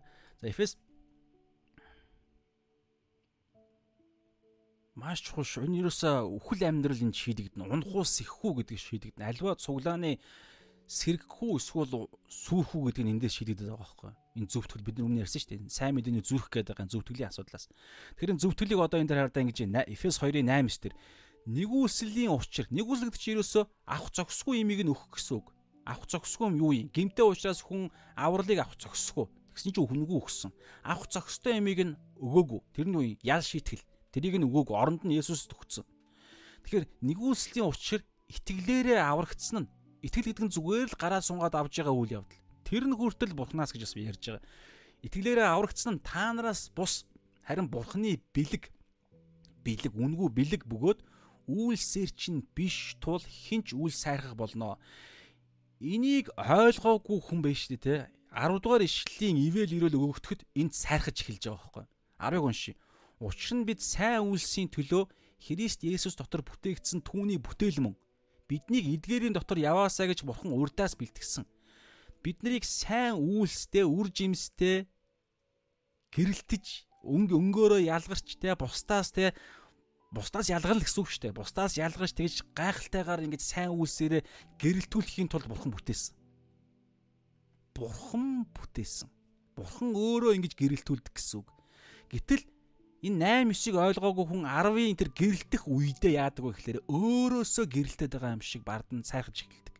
Энэ сайрхал Исая 14-ийн 12-оос эхэлж байгаа. Изекэл 28-ийн 12-оос эхэлж байгаа сатааны уналт Яг энэ л сайрхал байхгүй. Сатанд Люцифер байхад нь за Люцифер гэдэг нэр нь ч биш гэтээ яг Люцифер байхад нь бурхан түүнд бусдаас илүүгээр очир алмаас те одоо тамга эрх мэдэл тэр гоо үзэсгэлэн бүх юмыг нь өгсөн. Бурхан өөрөө бэлгэлж бүтээж өгсөн. Тэгсэн чинь сайрхаж бардамнаад би өөрийгөө бурхантай адилхан болгоно. Бурханы Тэгээ уулсын дээр нь би өөрийнхөө синтигээ зална. Би бурхны үйлсийн дээр нь гарна. Би бурхны чуул чуулганд очиж өөрийнхөө синтигээ босгоно. Бурхантай би хамгийн дээд нэгэнтэй адилхан болно гэж өөрийгөө хэлж байгаа. Энэ бол аимшигт энэ ойлголтод чинь зориулж мөнхийн галтнуур бүтээгдсэн шүү дээ. Сатаанд Люциферт зориулж түүний тэнгэр чөтгөрүүдэд зориулж. Тийм учраас итгэгч нар хэрв энд бүдрвэл маш аюултай байхгүй юу. Тийм учраас өнөөдөр энэ үдчихэж байгаа хэсгийг дараачин гарч байгаа те. 1-р Коринт 4-ийн 1-р Коринт 1-ийн 29-с 31 дээр зөвхөн Есүсээр л сайр ингэснээр сайрхагч нь эзэн дотор сайрхаг. Бүх юм Есүсээр хийгдсэн учраас үргэлж Есүсийн дотор сайрхах гэж ярьж байгаа. Хэрвээ сайрах гад гинт нэг хэрвээ нэг итгэгч сайрхаад ирвэл энэ асуулт тавигдана гэсэн үг. Үнэн дээр хэн чамааг илүү болгосон юм? Хэн чамааг илүү гэж хэлж байгаа юм бэ? Чи байгаагаа тэр илүү юм а илүүгөө чи өөрийгөө илээд байгаа. Одоо юу гэдэг би ийм мэдлэгтэй надад би ийм чадвартай. Тэр чадвар чинь чамаас биш шүү дээ. Юусоо биш. Танаас биш юусоо. Би бүр чамаас гэдгээр нь хэлмээр санагдаа сая биж хэлчлээ албаар. Бурхан яг ингэж зэвүүцэж ярьдаг шүү дээ. Ягаад тэр цаана чөтгөрийн ажиллагаа байгаад байгаа байхгүй. Тэр бүх ивэл ирүүлүүд чинь бүгд үнгүү бэлэг байхад тэрийг нь авчин гутлаа өөрөөсөө гэж сайрхаад бурханд алдрыг өргөх биш өөртөө алдрыг аваад эн чин сатааны нөгөө хулгайч. Сатан бурхны алдрыг хулгайлдаг шүү дээ. Яг тэрийг итгэгч нар хулгайлах аюултай байхгүй. Бид өөрсдөө хамгийн гол нь хамгийн эрсдэлтэй нь өөрсдөө мэдэхгүйгээр. Тийм учраас энэ хэсгээр бид эхлээд өөрсдөө мэдчихийж Нөгөө нэг түрүүн 20 дээр хэлсэн шүү дээ. Биш ээ. Ром 3:20 дээр хуулиар нүглийн мэдлэг ирдэг. Хуулиар нүглийн мэдлэг ирдэг. Өөрөөр хэлбэл Бурхны үгээр бид өөрсдийн бузар муу хилчлэгдэж байгаа байхгүй юу? Бид сайрхаж байгаа та ямар нэг юм сайрхаж байгаа юм байвал Бурхан ямар аимшигтай бузар муу сатааны хортой үрийг тээж байгааг чинь Библи өнөөдөр ингээ илчилж байгаа. Үр дагавар нь юу юм? Гимшил. Гимшгэл зоригтой. Тэгэл болоо. Маш амархан ингээ илчлэгдлээ, гимшлээ. Тэгээ энийг шууд э, үргэлжлүүлэн энийг эсэргүүцэд энтэй тулдах хэрэгтэй л гэсэн үг. Тэгээ Ром 10-ын 17 дээр тэр утгаараа зөвтгөгдөхөд бидний оролцоо бол итгэлээр гэж ярьж байгаа шүү дээ. Ром 10-ын 9 10 дээр бол итгэлээр бид одоо түрэн дээр шигсэн түр хэлсэндээ Ром 3 дээр бол итгэлээр зөвтгөгддөг. Гэтэл тэр итгэл нь хараа бид өөрсдөө нэг юм зарим хүмүүс ингэж ойлгодог шүү дээ. Биднэд надад ч гэсэн ингэж ойлгохдохгүй тэгээд ингээд судалсан. Тэгээд ойлгосон. Бурхан болвол сайн мэдээний тэрхүү түүхэн үйл явц те одоо яг бодиттой тэрхүү төлөөсийг нь загалмайдаа төлжээ. Гэхдээ тэрэнд нь би итгэх гэдэг миний оролцоо байна. Би оролцсон. Тийм учраас энэ миний итгэл байж иж би яг тэр Есүсийн загалмай дээрх үйл явдсыг үйл загалмай дээрх төлөөсийг би өөр дээрээ хамаатай болгоход миний итгэл оролцсон гэж ярьдаг. Гэтэл тийм юм юусоо байхгүй байгаа байхгүй. Ром 17 дээр Итгэл нь хүртэл бурхнаас. Ром 17. Тэгэхээр итгэл итгэж байгаа нь хүртэл би би мундаг итгэсэн шүү. Би таныг бодвол та нарыг бодвол би сайн мэдээ гэдэг тэр 2000 жилийн өмнө болсон үйл явдал би итгэж чадсан. Би итгэсэн. Надад итгэл байна гэдэг нэг юм сайрах байгаа бол тэр нь хүртэл биднээс биш. Ром 10:17. Тиймээс итгэл нь сонсгоо сонсох нь Христийн үгээр ирдэг. Би сонссон, би сонсч чадсан гэж хэлэх юм уу? Зүгээр сонсох үйл явдал, зүгээр сонсох, харах, авах ийм л үйл явдал хийсэн. Харин тэр авагдж байгаа, сонсогдож байгаа зүйл нь өөрөө хүчтэй байсан бохоггүй. Тэрнээс би сонсож чадсан гэд бардам бардамнаад байх юм юусоо байхгүй.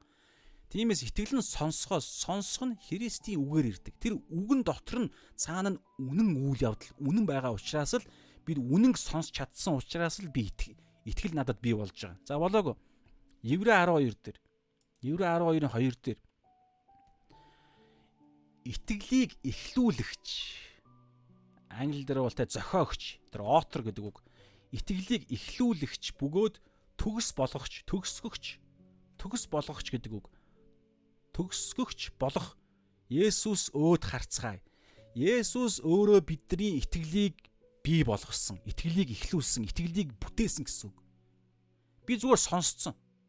Гэтэл тэр сонссон үгэн дотор нь итгэлийг бий болгогч Есүс өөрөө явж исэн байгаа даа байхгүй. Есүс ч өөрөө үг шүү дээ. Иохан 1 дээр ихэнд үг байсан гэдэг. Тэгэхээр бидэнд сайрхах юу ч байхгүй. Юу ч байхгүй. Иохан 3:27. Энд баптист Иоханы нэг соригдох боломж эрсдэл гарч ирсэн. Сорилт гэсэн сүнслэг тулаан. Нөгөө Есүс ч гэсэн Есүсийн дагалдагч нар нь ч гэсэн Тэгээ Йордан гол баптизм хүртэж байгаа баптист Йоохны дагалдагч нар сонсоод баптист Йохан багш дээр очиж хилдэг тэр үед Йохан баптистийн хэлсэн үг. Йохан 3:27. Тэнгэрээс өөрт нь өгөгдөөгүй бол хүн юу ч хүлээн авч чадахгүй. Энэ хүний нөгөө Мата Мата 5-ын 3 сүнсэндээ ядуу хүн ерөөлтэй гэдэг чи яг энэ. Энэ Йохан баптистийн хэлсэн үгийг ойлгосон хүн ерөөлтэй гэсэн. Тэнгэрээс өгдөөгүй бол хүн ямар ч хүн юу ч авч чадахгүй. Юу ч авч чадахгүй. Тэгэхээр ямар нэгэн хүнд ямар нэг юм байна гэж ярьж ивэл санал болгох ямар нэг юм байвал ямар нэгэн сүнслэг юм тэ одоо бэлэг авьяас юу гэдэг тэр нь байгаа гэж ярьж ивэл тэр нь тэр хүнээс юусоо биш. Тэр хүн зүгээр л өгөгдсөн гэсэн үг. Энийг тухайн хүн нь хэрэг ойлгол ерөөлтөе Тэнгэрийн хаанчлал тэднийх гэж байгаа шүү дээ. Бата 5-3 дээр те сүнсэндээ ядуу хүн ерөөлтөе Тэнгэрийн хаанчлал тэднийх. Тэгээ энэ өөрөө биш тэ нөгөө илчлэх гэдэг энэ үг энд бас тайлбарлагддаг. Йохан Ром номын Ром номын түлхүүр ишлэл гарчиг түлхүүр ишлэл болох Ром 1-ийн 16 17-д тэгдэж штэ. Бурхны хүртэх зүвт байдал нь Бурхны өгөх зүвт байдал нь сайн мэдэн дотор илчлэгддэг. Илчлэх гэдэг энэ үг. Ерөнхий илчлэлт, онцгой илчлэл гэж ярьдаг бас шинэ гэрээний сүүлийн ном илчлэлт гэдэг. Энэ илчлэх англи хэл дээр reveal Энэ илчлэх гэдэг энэ ойлголт ч юу гэхээр зөвхөн нэг талд нэг талын үйл үйл явц. Өгөх авах гэдэг юм биш. Бурхан өөрөө илчилж байгаа. Доороос хүн төрлөختөн тэрийг авах, гараа сунгаад тэ ойлгоод ингийн ерөөс ямар ч чадвар байхгүй. Харин бурхан өөрөө тэр чадваргүй дорой учраас бурхан өөрөө илчилж байгаа. Тэнгэрээс өгөгдөж байгаа гэсэн үг. Тэнгэрээс өгдөөгүй бол хүн өөрөө юу ч авч чадахгүй. Яг энэ төлөв байдал бурхан өөрөө зөвхт байдлаа бэлэг авьяас Эфес 1-ийн 3 дээр бас байгаа Тэнгэрлэг оршууд аль сүнслэг бүх ёроолыг Есүсийн дотор биднэрт бэлгэлсэн өгсөн гэж байгаа. Тэгэхээр биднэрт байгаа бүхэн биднээс биш. Энэ биш тэ Библийн гайхалтай үнэн. Энэ үнэнг итгэгч хүн ойлгвол энэ үнэнгээр амьдрвал мах мах цуснда бүр ингээ та яс. Нөгөө нэг еврей 413 12 дээр байгаачлан бурхны үг бол хоёр талдаа эртээ ямар ч элднээс хурц бөгөөд нуус чүмгийг тэ сүнс сэтгэл хийгээд сүнсийг нуус чүмгийг салгаж дундуур нь салтлан гэж нэвтэлж та бүгд оюун санааг ингэж шалгадаг. Тэр гайхалтай бурхны үг чинь үг буюу үнэн чинь саяны ойлголт байхгүй. Тэгэхээр бидний оюун санаа, нуус, чөмөг, сүн сэтгэлийг бүр ингээд хаагуураа заагладаг юм. Бидний бодлын ямар хэсэг дээр ямар алдаа байгаа юу гэдэг тэр бүх зүйлийг чинь нэвтэлж ордог гайхалтай үнэн үннүүдийн нэг үнэн саяны үнэн байгаад байгаа байхгүй. Одоо энэ дээр хэлж байна. Мата 5-ын 3 дээр хэлж байгаа, саян дээр хэлж байна. Хаасаг одоо энэ түрүү ярьсан тэр 1-р Коринт 1:29-с 31, 2-р Коринт 4-ийн 4-ийн 7, Ром 10:17 одоо энэ дээр Иохан 3:27 биднэрт ямар ч чадвар сайрхах юм юу ч байхгүй. Бага юмд биднээс огт биш бурхан биднэрт өгсөн гэсэн үг. Ингэж байгаа зорилго нь энийгээ хүн ойлгох юм бол бурханыг алдаршуулна. Мата 5:16 дээр хэлж байгаа тийм. Ингээд ирэхээр бид хаанчлалын зорилгын дагуу амьдарч байна гэсэн үг. Мата 6:33 юуны төрөнд бурхны хаанчл ба зүвт байдлын төлөө яв. Тэгээ Ром 8:28 тийм Бурхны хайрладаг түүний зорилгын дагуу Бурхныг алдаршуулах гэсэн үг шүү дээ. Түүний зорилгын дагуу явдаг хүмүүсүүд бүх зүйл бидний төлөө ажилдаг, бас бүх зүйлийг нэмж өгдөг. Тэгэхээр энэ гол зүйлийг зүйлээр явж байгаа хүн Бурхан өөрөө хангаал байна. Хангаал байна. Бурхан биднийг чөлөөлөөл байна. Йохан 8:31 32 дээр хийж байгаа хэрүү та нар үгэн дотор минь байвал үнэхээр минь дагалдаг ч юм уу тэгээд та нар үннийг олгоод үн та нарыг чөлөөлнө оюун санааны чөлөөлөлт нөгөө нэг элдв янзын гаж дом мон үзэн ядалт те одоо энэ юу гэдгийг хар дарсан зүүд мүүд хараал мараал одоо юу гэдгийг нүсэн шидийн юмнаас чинь бурхан өөрөө чөлөөлнө. Ягаад тэгэхээр би бурханы суугуулж бурханы үнэтэй холбогдож бурханы халахвчин дотор явж байгаа учраас. Тэгээ энэний хэрэгжүүлэлт нь нэгдүгээр Петр 5-ын 5 дээр Залуусаа та нар мөн түүнчлэн ахлагчдаа захирагд Та бүгд бие биендээ даруй хандах байдлаар хувцсал. Учир нь бурхан бардмыг эсэргүүцдэг. Харин дарууд нь нэгүсэл өгдөг. Энэ маш чухал. Мата 10 дээр бас байдаг. Та нарын махбодыг чинь хөнөөгчдөөс битгий аа. Харин махбодыг чинь сүнстэй нь хамт хөнөөгч нэгнээс аа гэж байгаа. Тэгэхээр энэ дэлхий дээр бид биш те юу гэдгийг Тэ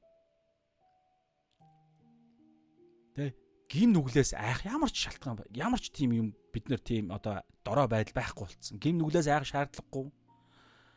Хүн энэ Эфес 6-гийн 12 дээр байгаа энэ дэлхийн харанхуй ертөнцийн захирагчд ирэх мэрлэлтэй тэнгэрлэг бүх хүчнүүдээс айх ямар ч юм бай айх юм байхгүй. Сатанаас чөтгөрөөс айх ямар ч айдас бид нарт тийм дорой байдал байхаа болсон. Үхлээс ч айх айдас байхгүй. Ганцхан нэгнээс л айдаг. Их сургаалт өгс нэг дээр ч байгаа хаасаагүй байдаг бурхнаас айх имээдс. Та одоо энэ дээр хараад итгэгч бид нарыг хүртэл итгэгч хүмүүс хүртлээ шүү дээ энэ дэлхий дээр аврагдсан мөртлөө хэрүү бид аврагдсан хүнийхээ тэ аврагт биднийг аварсан Есүсийнхаа Есүсийн үгээр амьдрахгүй бол Есүсээ эзнээ болгон үргэлжлүүлэн амьдрахгүй бол ташуур хүртэнэ. Тэр ташуурыг ташуурдах тэр ташууртгүй үгүй гэдгийг шийддэг ганцхан хүч байгаа. Бурхан маань, бурхан аав маань өөрөө. Тэгэхээр ямар хүн бид нар ташуур хүртэх юм? Бардам итгэгчдийг бурхан ташуурддаг байгаад байгаа байхгүй. Сайрхдаг итгэгчдийг. Аврал мавал яригдаагүй шүү дээ. Сайрхдаг итгэгчдийг. Яагаад гэвэл тэр хүн ерөөсөө аюултай галаар тоглож байгаатай адилхан. Тэр хүүхд хайрладаг хүнээ бид илчил 3 дээр бол би хайрладаг хүнээ ташуурддаг. гэж бас хэлж байгаа шүү дээ. Тэгэхээр энэ дээр хараа 1-р Петр 5-ын 5 дээр учир нь бурхан бардмыг эсэргүүцдэг. Бардмыг эсэргүүцдэг. Тэгэхээр итгэгч хүн хэрвээ бардам нь бол ташуур хүртэн штэ. Хүртэн. Харин дарууд нэгүсэл өгдөг. Нэгүслэгт чинь тэр юу гэлээ? Авах зогсгүй имийг нь өгдөг. Тэгэхээр юу болж байна? Хэрүү бид зөвтгөл аврал тэгээ зөвтгөл аврал буюу зөвтгөл тэгээд үргэлжлүүлэн зөвтгөлийн төлөвшлтийн амьдрал ариусгалд энэ өөрчлөгдөж байгаа гайхалтай сайн сайхан тэр буюу ариусгал нь хүртэл өөрчлөгдөж байгаа энэ байдал маань хүртэл биднээс биш зөвхөн Есүсийн үйлдэл үйлчлэл түүний ариун сүнсний хүч чадлаар үргэлжлүүлэн хийгдэж байгаа гэдгийг бид ойлгож чадвал бидэнд сайрхах юу ч байхгүй гэдгийг ойлгоно. Тэгэхээр сайрхах юу ч байхгүй гэдэг энэ үннийг харж чадсан хүн л бардамнаж юусоо чадахгүй байхгүй. Тэрнээс биш бардамнах юм байгаад сайргах юм байгаа мөртлөө би би итгэж хүн шүү дээ. За би нэг даруй байх ёстой шүү дээ гээд даруй байх гад яаж чадахгүй. Наана тэгж хичээж магадгүй дотроо бодоол явна. Тэгэхээр харин үннийг ойлгоо харчих юм бол бардамнах ямар ч юм байхгүй гэдгийг харчих юм бол яа өнгөө яаж би ингэж өөрөөрөө бардамж исэн болоо гэд нөгөө хүн чинь шууд ойлгоод тэгээд юусоо амар ямар ч ямар ч хүн тэр хүн итгэгчийг өргөмжилсэн ямар ч хүн тэр хүнийг ямар ч тэ одоо хүмүүс тэр итгэгчийг алга дашиж алдаршуулсан тэр хүү сайрхах ямар ч юм байхгүй яна баг зүгээр л уучлаарай та намаа гэдэг юм би зүгээр ингээд нөгөө нэг шууданчтэй гэж байгаатай л адилхан байхгүй би зүгээр энэ хүний захааг л танд авчиж өгсөн би наад захааг чинь бичээгүй л дээ гэж байгаатай л адилхан сайрах нь юу ч байхгүй шүү дээ тэ тэгэхээр энэ логикийг ойлгочих юм бол даруй байж чадна. Тэгэхээр даруй байж чадах юм бол нэгүсэл өгдөг гэж байгааз. Нөгөө Мата 6:33 Бухны хаанчл зөвхт байдлынхаа тэгвэл нэмж өгнө. Ром 8:28 Бухны хайрлаг түүний зорилгын дагуу дуудагдсан хүмүүс бүх зүйлийг Бурхан хамтд нь ажилуулдаг. Тэгэхээр эн чинь нөгөө нэг Тэнгэрийн хаанчлалын гол зарчим байгаад байгаа. За хоёр дахь давхар үнэн эсвэл хоёр дахь далд утга санаа тэ салаалж байгаа гарч иж байгаа хоёр дахь утга санаа нь юу вэ гэхээр 29-оос 30 дээр байгаа. Бүх ялгаа устгагдсан. Хэрүү Ром 3:21-оос 26 дээр байгаа зөвхөн итгэлээр аврагданаа. Итгэлээр зөвтгөгднө гэдэг энэ үнэн хэрэг үнэн юм бол энэ үнэн таны хувьд үнэн болсон юм бол таны хувьд дараачийн хоёр дахь үнэн бас үнэн гэсэн үг. Хоёр дахь үнэн хэрэгжинэ гэсэн үг. Тэр нь хоёр дахь үнэн ямар үнэн бэ гэхээр энд хэлж. Бүх ялгаа устгагдсан. Байсан шүү, байсан. Тэр утгаа Библийн дагууч байх ёстой гэж ярьж ирсэн. Харин одоо устгагдсан. Гэхдээ эхний тэр аа үнэн буюу түрүүний ярьсан итгэлээр зөвтгөхтөн гэдэг энэ үнэн тухайн бүлэг хүмүүсүүдэд эсвэл танд үнэн болсон тохиолдолд энэ ялгаа устгагдана гэсэн үг. За бүгд 29-с 31-ыг уншия. Бурхан зөвхөн юдэчүүдийн дахиад яг адилхан нөгөө асуулт, хариулт, тайлбар гэдэг нөгөө зарчмаараа Паул явж байгаа. За асуулт нь Бурхан зөвхөн юдэчүүдийнх гэж юу? Тэр мөн харийнхных бусуу. За асуулт нь бол энэ хариулахдаа бас адилхан хариултаар ингээ асуултаар хариулаад тэгээ тайлбар явж байгаа. За асуулт нь Бурхан зөвхөн юдэчүүдийнх гэж юу гэж гэж асууж байна. Өөрөөр хэлбэл хараа энэ асуулт ийм асуулт гэсэн үг. Зөвхөн Бурхан зөвхөн юдэчүүдтэй л харьцдаг харьцдаг уу гэдэг асуулт гэсэн үг. Мөн Бурхан зөвхөн юдэчүүдийг л авардаг уу? Бурхан зөвхөн юдэчүүдийг л аврахаар ирсэн үү ч гэдэг юм уу Есүс? Энэ асуулт гэсэн үг. Хариулт нь хариултыг одоо Паул хариулахдаа дахиад асуултаар бас дахиад нэг асуулт тавингаа тэрэндээ хариулах байдлаар хариулж байгаа. Тэр мөн харийнхных бусуу. Тийм ээ. Тэр бас харийнхных мөн. Тэгэхээр Тэр мөн харийнхных биш гэж юу? Тийм ээ, тэр бас харийнхных юм. За энэ хариулт нь бас нөгөө эхнийхээ асуулттайгаа адилхан. Эхнийх эхний асуулт ингэсэн шүү дээ. Бурхан зөвхөн юдэчүүдтэй л харьцдаг уу? Бурхан зөвхөн юдэчүүдийг л аврахаар ирсэн үү? Бурхан зөвхөн юдэчүүдийн хуу гэдэг асуулт.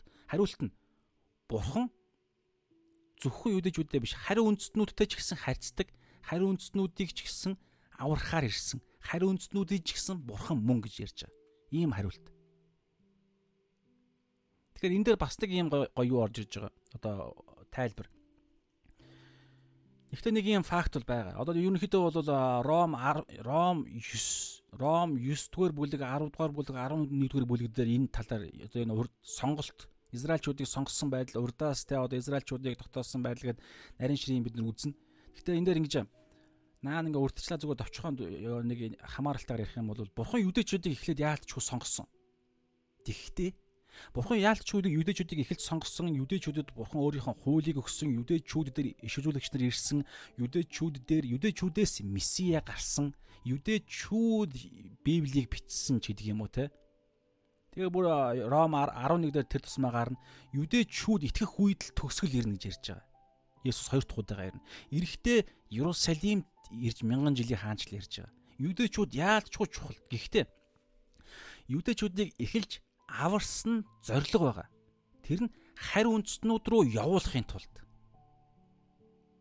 Хуучин гэрээндээ ч ийм байсан, шинэ гэрээндээ ч ийм байсан гэж ярьж байгаа. Гэхдээ мэдээж хуучин гэрээндээ бол шинэ гэрээ гүцэхгүй шүү дээ Тэгвэл хуучин гэрээнд ийм юм байсан. Энэ ирээдүйн те Есүсээр дамжуулан бүх үндэстнүүдийг тэр Авраамийн 12 15 дараа байгаа Авраамийн 3 ерөөлийнх нь нэг нь шүү дээ те. Чамаар дамжуулан бүх үндэстэн өрөөгдөх болно. Тэгэхээр Авраам ч өөрөө хамгийн анхны юдэ хүн шүү дээ. Одоо Израильчуудын хамгийн үг дээдс шүү дээ. Авраамаас Авраамын өрөөдөм Исаакаас ингээд Израильчууд бий болж байгаа. Исаак тэгээ чашаага Яаков гэдэг. Яаковын 12 овг, Израилийн 12 овг те 10 нь хойд Израиль, 2 нь өмнөд Юда гэдэг. Тэгэхээр Авраам анх Израильчуудын үг болох Авраамыг бурхан сонгохтой хүртэл Израильчуудаар дамжуулан би бүх үндэстний өрөөнө гэж сонгосон. Тэгээ тэр нь Есүсээр дамжуулан төгсөөр биелж байгаа. Гэхдээ хуучин гэрээндээ Есүсийг ирэх хүртэл тэр нь ч гэсэн байж исэн. Бүгдээ нэг ишлэгийг харъя л та. Би хайдаж байгаад олсныг ишлээ. Исая 42-ийн 6 дээр юм ишлээ байгаа байхгүй. Би эзэн чамайг зөвхт байдалд дуудаж гараас чинь атгаад чамайг хамгаалж чамайг ард түмний гэрээ химэн үндэснүүдийн гэрэл болгож өгнө. Хуучин гэрээндээ ч гэсэн яг л юм байсан. Израильчуудын тэр ялгарч байгаа байдлаар дамжиж үндэснүүдэд гэрэлтэх зорилготой байсан. Тэг хуучин гэрээнийх нь хууль дотор нь хүртэл байгаа. Ирмэл хүмүүсүүд гэдэг хэллэг байгаа. Ирмэл хүмүүсүүд. Тэр утгаа тэ одоо Соломоны сүм тэ одоо Зербабел Херодын сүм өмнөдөр ч гэсэн хамгийн гадна талд нь харь үндэснүүдийн ордог хашаа гэж байгаа. Өөрөөр хэлбэл харь үнд хуучин гэрээнд ч гэсэн харь үндэснүүдэд харь үндэснүүдэд аврагдах боломж байсан. Юдэн шашинд орсноороо Юдэн шашинных нь цүм болсон ирэх месиягийн сайн мэдээнд итгэснээр гэсэн үг байхгүй юу? За тэгээд шин гэрээнд бүр тодорхой Израильчууд юдэчүүдийг аварснараа харин үндэстнүүд рүү илгээгдэх зорилготой. Тэр нь мэдээж Матай олон газар байгаа. Гэхдээ Матай 28-ын агуу захимжаа уншчих тий. Матай 28 18-аас 20. Есүс дөхөж ирээд тэдэнд Тэнгэр газар дээрх бүх эрх мэдлийг надад өгсөн. Зөвхөн Есүст. Ямар ч итгэгч хүнд байхгүй. Ямар ч чуулганд байхгүй. Ямар ч чуулганы өдөрдөгч пасторт байхгүй. Харин чуулганы тэргүүн болсон Есүст л байгаа. Тэр Есүс өөрийгөө үгээрээ илэрхийлсэн. Библи гэсэн үг. Тэр утгаараа түрүүн шинжлэлийн 5 одоо тэ зөвхөн гэдэг 5 одоо соола гэдэг дээр нэгдүгээр зөвхөн итгэлээс итгэл зөвхөн бичээс 66 ном бүхий. Тэгээ зөвхөн Есүс, зөвхөн нэгүүлсэн, зөвхөн Бурхан алдар, Есүс алдар өгөх. Тэгэхээр энэ ойлголтод л эрх мэдэл байгаа.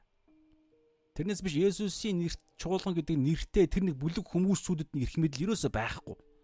Харин тэр бүлэг хүмүүсүүдэд нь бүр бүлэг хүмүүсүүд Есүсийг цорын ганц эрх мэдлээ болгох үед тэр бүлэг хүмүүсүүд Есүсийн төлөөлөгч нар болж эрх мэдэл нь тэр хүмүүсүүдээр дамжиж Бурхан өөрийнхөө эрх мэдлээ илэрхийлдэг.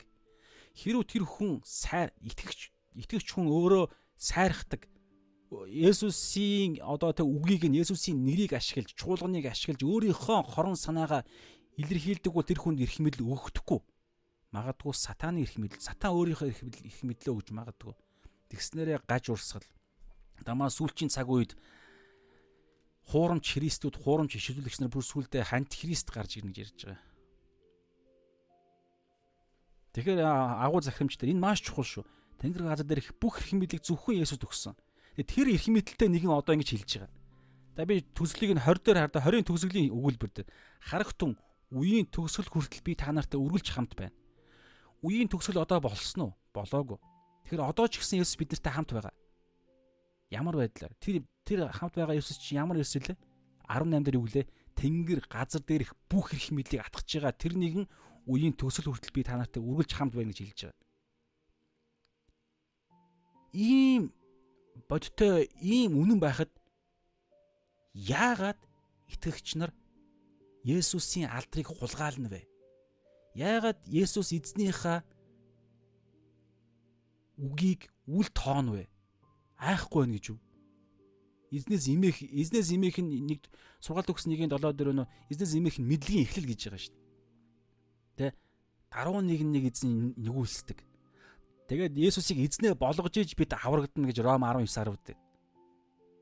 Матай 7-гийн 21-с 23 дээр эзэн минь эзэн минь гэсэн болгон Тэнгэрийн хаанчлал орохгүй. Ёс бусыг өгүүлэгч надаас зайл гэж тэр өдөр би хэлнэ. Олноороо ийм хүмүүсүүд гарч ирнэ гэж ярьж байгаа. Есүсийн нэрээр иш үзүүлдэг, номлодог. Есүсийн нэрээр гайхамшгуудыг хөөдөг, чөтгөрүүдийг хүртэл хөөдөг.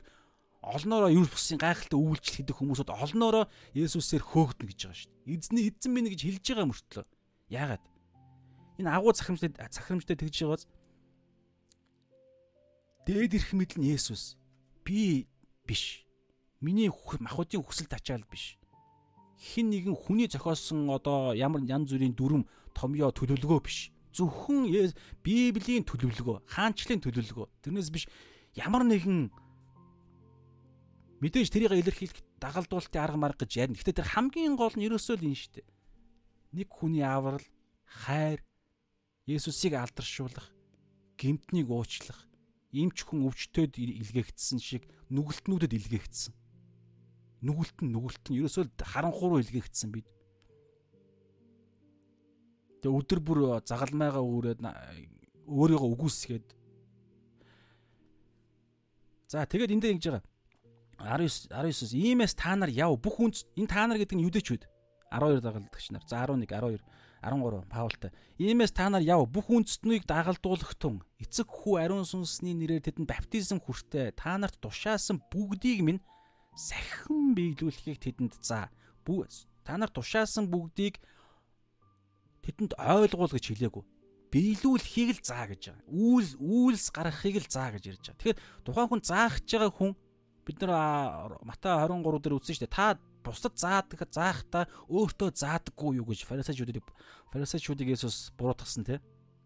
Тэгэхээр бид өөр бусдад заадаг мөртлөө өөрсдөө заадаггүй бол тэр Матай 23 дээр байгаа 8 золгүй яа гэдэг тэр хүмүүсийн тоонд орно шүү дээ. Хоёр нүртэй итгэгч нар бусдад заадаг мөртөө өөрөө хэрэгжүүлдэггүй хүн бол яахан хоёр нүртэй л итгэгч нар байгаа зү. Бурхан зэвүүцдэг. Бурхан бүр тэрийг тэр тийм хүмүүсүүдийг тийм ойлголт шиг ирэхэд бол бусдаас илүүгээр шүүлтэнд орно. Бурхны уур хилэн бусдаас илүүгээр тэр хүн дээр бууна гэж байгаа шүү дээ. Матай 11 дээр нөө 12 дээр байгаа итгэгч өөрт нь итгээгүй хотуудыг яасан те. Гэтэл яг хоёр нүр гэж ярих юм бол Тэр яг фарисеучудтай хамааралт ярих юм бол тэгж ярьж байгаа. Итгэгчнэртэй хамаарах хамааралтай ярих юм бол яг хоёр дээр байгаа түр Матай 7-гийн 10 10 21-с 23-ыг хэлсэн. Илчил 3 дээр ч гэсэн байдаг лавдаг чуулган байгаа. Амнаасаа бөөлж гаргана гэж ярьдаг. Ер нь олон газар байгаа шүү дээ. Тэгэхээр яг жинхэнэ аврагдсан, жинхнээсээ зүвтгцсэн хүмүүсүүд эдгээр ойлголтууд чинь аяанда гардаг байгаад байгаа байхгүй.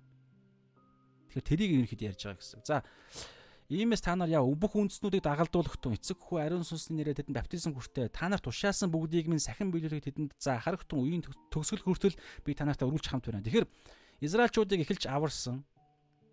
Тэ Есүс Израильчуудад эхэлж ирсэн. Одоо тэ Израилийн төөрсөн хонь сүрэг дээр би ирсэн гэж ярьж байгаа.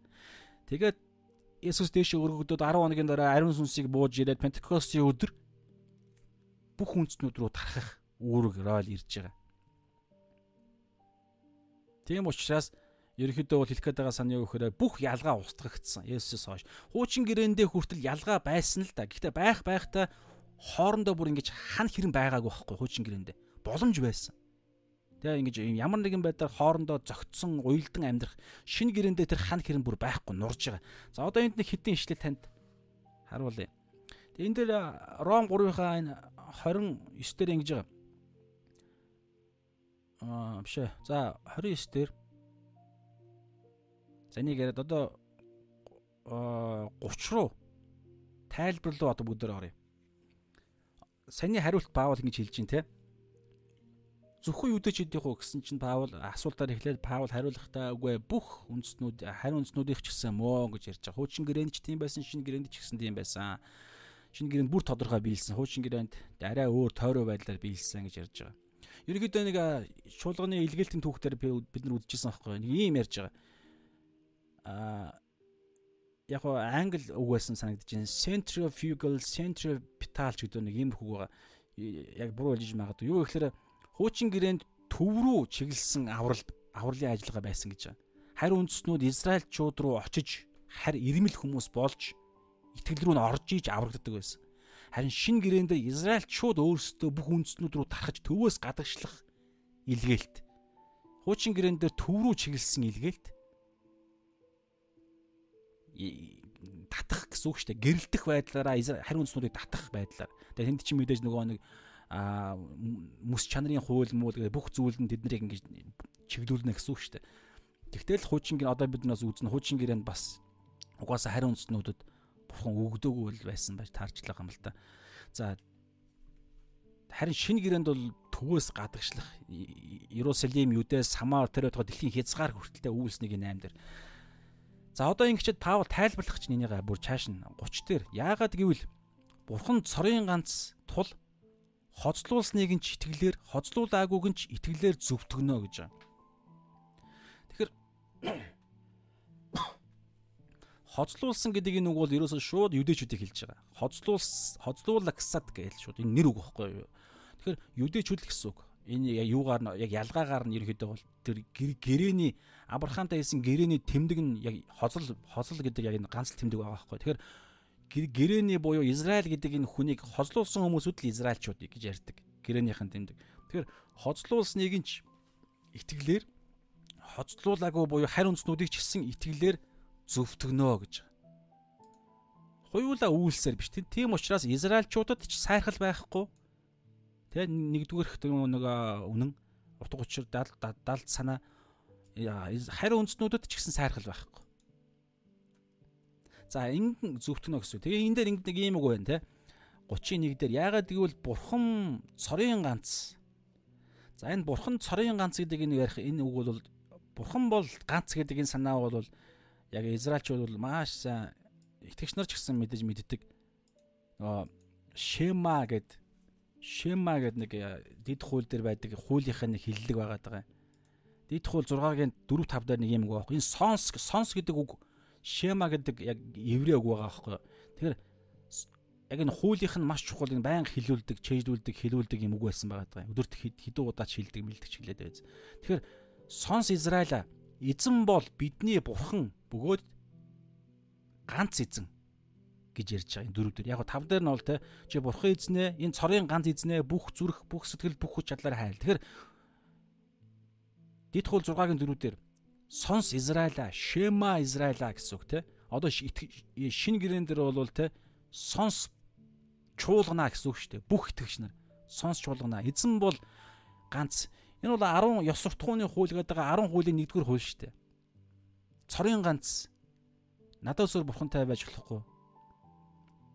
1 2 дугаар хуультай шүтэн шүтэж болохгүй. Цорын ганц бурхан яг одоо те гурвлаар оршигч яг яг Библийн теологоор бол гурвлаар оршигч Есүсээр яг өөрийгөө илэрхийлсэн тэр бурхан болвол цорын ганц бурхан ганц бурхан Шема чуулгана ч гэдэг юм уу те.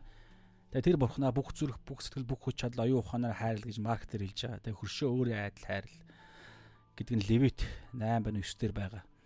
За тэгээ энэ дээр нэг юм санаа байгаа. Ганц бурхан мөртлөө гурвлаар гурван ийм хувь чанараар оршдог. Энэ үгээр энэ гарч уурсгалууд байдаг шүү. Гурвлаар оршдог гэдгийг эсэргүүцдэг гаж уурсгалууд байдаг. Монголд ч гэсэн байгаа. Хэрүү итгэж хийгдэж байгаа мөртлөө гурвлаар оршигч цор ганц бурханд итгэдэггүй. Энийг ингэж ярихад итгэхгүй энэ дээр зөв сөргөлдөжээ бол тэр гаж уурсгал. Шууд тэгээд хэлчих болно. Гаж уурсгал.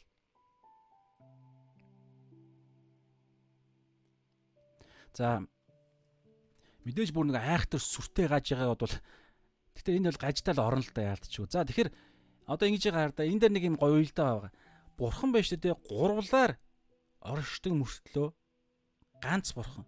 Яг энэ ингээд зэрэгцээ харьцуулагдаад бурханы авралын төлөвлөгөөч гэсэн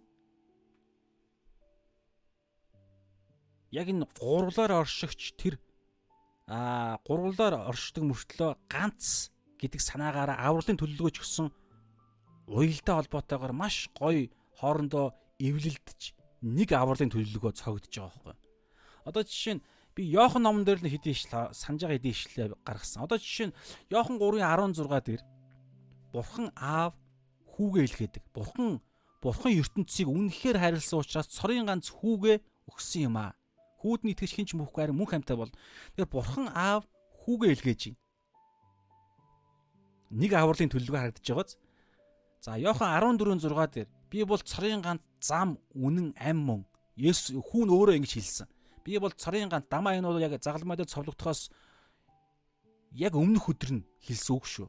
Яг дээвэр дээр Яха 14, Яха 14, 15, 16, 17 гэдэг энэ Яха 13, 14, 15, 16, 17 гэдэг энэ таван бүлэг бол яг загалмай дээр цовлогдохын өмнөх өдөр хэлэгдсэн. Тэр дээгүр өнгөрөх алгасал баярын үеэр хэлэгдсэн үйл явдал. Тэгэхээр ингэж хэлж байгаа. Хүүн өөрөө яг загалмай дээр цовлогдохоос өмнө гэж хэлдэг. Би бол цорын ганц зам үнэн ам мөн хинч надад амжихгүйгээр эцэгт хүрэхгүй. Хүү болохоор аав нь болохоор бүх ертөнцийг хайрлаад хүүгээ илгээсэн. Хүү нь болохоор аав руугаа зуучилдаг. За одоо Йохан 16 дээр нь Йохан 16 дээр ариун сүнсийг нэлж байгаа. Яг гуруулаа ингэж нэг нэгнийгаа бие биен руугаа чиглүүл бие биентэйгээ уялтаа хамааралтайгаар гурвлаар оршигч ганц бурхны цорын ганц авралын төлөлгөө хэрэгжиж байгаа байхгүй. Энэ маш чухал ойлголт. Бурхан бол ганц. Гэхдээ бурхан ганц мөртлөө гурван улсын шатлалтай. Тэр утгаа одоо ерөнхийдөө Библийн цаг тооллоор бол хүн төрлөختөн чинь 6000 жил жилт гэж ярьж байгаа шүү дээ. Эхнийх нь 3 2000 жил нь бурхан эцгийн одоо эцгүүдийн эцгийн одоо 2000 жил гэж ярьдаг. Хоёр дахь 2000 жил нь аа эхний 2000 жил нь Тэгээ эцгүүд 2 дахь 2000 жил нь а хүүгийн гэж ярьж байгаа. Ерөнхийдөө бол яг Израилийн Авраамаас хойшоогоо эцгүүдийн үр удмууд нь одоо ингээд Есүс хүртэл явж байгаа. Тэгэхээр 4000-аас 2000 хүртэл эцгүүд гэж ярьж байгаа. Авраам хүртэл Авраамаас Есүс хүртэл хүүхдүүдийн одоо хүүгийн гэдэг юм уу хүүгүүдийн үр удмын одоо 2000 жил. Тэгээд Есүсээс хойш одоо өнөөдөр 2021 он 2000 он хүртэл ерөнхийдөө бол ариун сүнсний 90 үе гэж ярьж байгаа. Тэгээд 6 тэ 2 2 2 гээд 6 өдөр ингээд дараагаар нь 7 дахь өдөр амралтын өдөр эхлэх гээд байгаа байхгүй. Тэр утгаараа удахгүй а Есүс ирж сүүлийн одоо тэр мянган мянган жилийн дэлхий дээр хаанчлах буюу 7 дахь өдөр эхэлнэ гэдэг санаач гисэн байгаа. Энэ янз бүрийн юм хөө гайхалтай ойлголтууд байгаа. Тэгэхээр Йохан 16 дээр ариун сүнсийг бүгд харъя л та. Йохан 10 Йохан 16-гийн 13 дээр ингэж байгаа. Харин үнний сүнс ариун сүнсийг хэлж байна те. Харин үнний сүнс эрэхтэй та нарыг бүхийд үнэн өөд удирдна. Тэр өөрөөсөө биш. Харин алив сонсох юмаа ярина. Ирэх зүйлийг тэр та нарт мэдүүлнэ. Тэгэхээр бурхан аав хүүгээ илгээж байна. Тэгээд Йохан дээр 6 дээр нөө байгаа бүх шүүлтээ хүүдээ даатгсан гэж ярьж байгаа. Тэгээ Эфес Филиппо 2 дээр ч гэсэн байгаа шүү дээ. Хүүдээ алдрыг өргөж байгаа. Гайхалт юр бусын уурт хожид байгааг алдрыг. Тэгэхээр бурхан аав хүүгээ гэж юм. Хүү болохоро бурхан аавыгаа гэдэг. Йохан 5 дээр ч гэсэн байгаа. 19 Йохан 5 19 30 дээр байна да. Хүү өөрөөсөө юу ч хийдэггүй. Эцгийнхаа хийснийг нь хэлснийг нь л хийж үйлддэг. Харилцсан бие биенэ. Тэгээд ариун тэгээд дээшээгээ өргөгдөөд 10 хоногийн дараа ариун сүнсийг илгээж байгаа. Ариун сүнс нь ирэхдээ бас ганцаарчлан тоглолт хийхгүй. Өөрөөсөө юу ч ярихгүй та хардаа. Харин үнний сүнс ирэхдээ та нарт бүхэл үнэн гол өдөрдөн. Тэр өөрөөсөө биш. Харин аливаа сонсох юм аа. Эцгийн баруун гар талаас эцгийн үг болсон, ам нь болсон, үг нь болсон Есүс үргэлжлүүлэн ариун сүнсээрээ дамжуулан чуулгантайгаа ярина. Тэгээд ариун сүнс өөрөөсөө юу ч ярихгүй. Тэр утгаараа Библийг мэддэг, Библиэр оюун санаагаа шинжилсэн хүн ариун сүнстэй ярьж ариун сүнсний дуу хоолойг сонсч чаддаг. Ариун сүнс өөрөөсөө ярьдаггүй, дандаа Библиэр ярьдаг учраас. Тэгэхээр ганц хэрэг дээр яг ийм бодогдож байгаа. Тэгээд чаашлаад 1-р Тимот 2:5 дээр ингэж байгаа. Учир нь ганц бурхан байна. Мөн бурхан ба хүмүүсийн хооронд ганц зууч болох, ганц зууч хүн болох Есүс Христ байна гэж. Тэгэхээр Есүс хүү хоёрын хооронд дунд нэг л зууч байгаа. Тэр нь Есүс. Тэгээ Есүс дэш явцсан. Тэгээ одоо хэн байгаа юм? Өөрийнхөө сүнсийг илгээсэн. Тэр сүнс өөрөөсөө биш Есүсийн үгээр л ярьдаг. Тэгэхээр Есүс ариун сүнс чинь үргэлжлүүлэн Есүсийн зуучийн ажлын ажилтай хамааралтайгаар үргэлжлүүлэн ариун сүнс Есүсийг төлөөлж байгаа байгаа байхгүй. Гэтэ ялгаа нь бол ариун сүнс хүн биш шүү дээ. Нэг зэрэг хаасаг оршдог. Тэгээ тэр галан хүч, бодиттой хүч. Яохан дээр бол Яохан баптист хэлдэг дээ. Би та нарт усаар баптизм хүртээдэг бол удахгүй сүнс ба галаар баптизм хүртээгч нэг ирнэ гэж ярьж байгаа тийм. За тэгээд Йохан 10-ын 14-өөс 16 дээр одоо энэ дээр хар та маш чухал нэг хэсэг байгаа. Нөгөө нэг хоёр дахь бидний үзэж байгаа санаа бол хийж байгаа шүү дээ. Бүх ялгааг устгасан. Тэгэхээр энэ ялгаа дээр хариу үндэстэн юдэчүүдийн хооронд ялгаа байхгүй гэдгийг Есүс энийг Есүс устгасан. Йохан 10-ын 14-өөс 16 дээр ингэж байна. Сайн хончин нь би байгаа юм а. Би өөрийнхнийгөө мэдэх бөгөөд энэ өөрийнх нь гэдэг нь одоо хэнийг ярьж хинээ хэлж байгаа вэ? Чааш нь бүгд харъя. Өөрийнх нь минь намайг мэднэ. 15-аас үүнчлэн би эцгээ мэдхийн адил эцэг минь ч намайг мэддэг. Би хондийн төлөө амиа өгнө. 16. Энэ хашаандах хондоос өөр Израильчуудаас өөр гэсэн үг. Өөр хонд надад бий. Би тэднийгч тэднийг бас авчрах ёстой. Тэд дууг минь сонсно. Тэгээд тэд нэг хончинтой нэг хонин сүрг болно гэж. Тэгэхээр Израильчууд хариу үндэстэн хуйуулаа Есүсийн хонин сүрэг. Нэг хончинтой, нэг хонин сүрэг. Нэг хашаараа орж ирсэн. Бурхны хаанчлал руу орж ирсэн. За Эфес 2-ын 11-ээс 10 22 дээр нэг ийм санаа байгаа. Ийм за би зүгээр уншчих. Ийм санагтун та нар урд мах өдөөрөө одоо монголчуудыг бас энд хандж хэлж байна гэсэн үг. Ийм санагтун та нар урд мах өдөөрөө харийнх байхдаа мах өдөөрөө гараар хоцлуулсан гэж нэрлэхсдэр юдэчүүдээр хоцлуулаагүйчүүд гэж нэрлэгдэж байваа. Тэр урд нь та нарт Христ тэр урд а тэр үед та нарт Христ үгүй байв байсан. Христ үгүй бас Израилийн иргэншилд гадных амлалтын гэрээнүүдэд харийнх ертөнцид ямар ч найдваргүй мөн бурхангүй байлаа. Яг энэ Есүсийн цаг үед жишээ нь Монголын газар нутгт дээр байсан хүмүүсүүд Христ итгэл байгаагүй шүү дээ. Өөр янз бүрийн шашин байсан. Тэр чинь бүгд хуурамч шүтээ цаана чөтгөл адилж байгаа. Тэгэхээр бурхан байгаагүй байсан гэсэн үг. Хуучин тийм байсан. Аё өмнө сайн мэдээ тараагдахаас өмнө бурхангүй байлаа. Харин нэгэнтээ алс хол байсан та нарт идүүгээ. Тэгээ одоо Монгол хизээ юу орж ирсэн сайн мэд орж ирсэн тэндээс эхлэх гэсэн үг. Идүүгээ Христ Есүс дотор Христийн цусаар ойр болов. Есүсийн цусаар дамжиж бид Есүсийн амьтай болж Бурхны үрчлэлийн сүнсийг авч Бурхныг охид хүүгүүд гэж үрчлэгдсэн. Яг бодиттой махуу дээр Авраамийн өрөөдөн бид нар биш. Биш. Яг бүр алсаар тойрох юм бол Ноагийн өрөөдөн болно. Гэтэ Авраамийн өрөөдөн биш.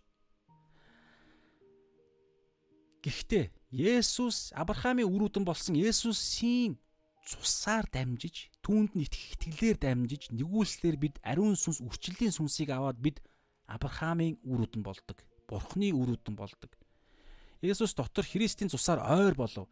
14 Эфес 2:14 Тэр бидний амар тайван мөн. Амар тайван гэдэг чинь бүрэн бүтэн гэдэг үг шүү бас шалом эйрэнэ. Тэр бидний бүрэн бүтэн байдал мөн гэсэн үг бас. Тэрээр мах өдөрөө хоёр хэсгийг нэг болгож. Тэ энэ дээр бол яг тэр байдлаараа илүү буул зүгээр нэ тэ. Хоёр хэсгийг нэг болгож тэр шалом буюу бүрэн бүтэн эйрэнэ шалом болгосон. Бүрэн бүтэн болгосон. Амар тайван бүрэн бүтэн болгосон нэг хоёр хэсгийг нэг болгож бидний дундах дайсагнал болон хуваагдлын ханыг нураасан юм а. Дайсагналыг нурааж амар тайван болгосон тийм. Мөн зарлиг доторх тушаалуудыг тушаалуудын хуулийг хүчингү болгож хоёр байсныг өөрийн дотор нэг шин хүм болгон амар тайвныг тогтоогоод аль альнийг нэг бие дотор загалмайгаар бурхантай эвлэрүүлснээр дайсагналыг хөнөөв. Хөнөөв. Тэр ирж алс хол байсан та нарт амар тайвныг болон ойр байгстад ч амар тайвныг тунхагласан аль алинд нь. За энэ энэ болгоны чинь цаана бид нар ингээд хэрэгжүүлэхдээ юу гэж хэрэгжүүлэх вэ гэхээр ерөөсөө л энэ Яаков дээр яригддаг. Би ямар нийгмийн төвшөнд байна уу? Би ямар тэ одоо шашинтай байна уу? Тэр байтугай. Ижил хүүснүүд. Маргаантай зэдв хүнд чи. Ижил гэхдээ бүгд санал нэгдэн угаасаа те. Ижил хүүснүүд хүртэл дундуур нь байсан тэр хуваагдал бүгд байхгүй болж байгаа. Тэд нар ч ихсэн нааш орж ирэх хэвээр чуулганд. Заавал орж өөр аврал байхгүй шүү дээ. Тэгснээрээ чуулганд орж ирснээрээ ариун сүнс тэр хүнийг дотроос нь оюун санааг нь дахин төрүүлж ижил тэр ижил хүүстэн чинь тэр бузар муу гин нүглийн цавхарсан бузар муу чинь үх үхнэ.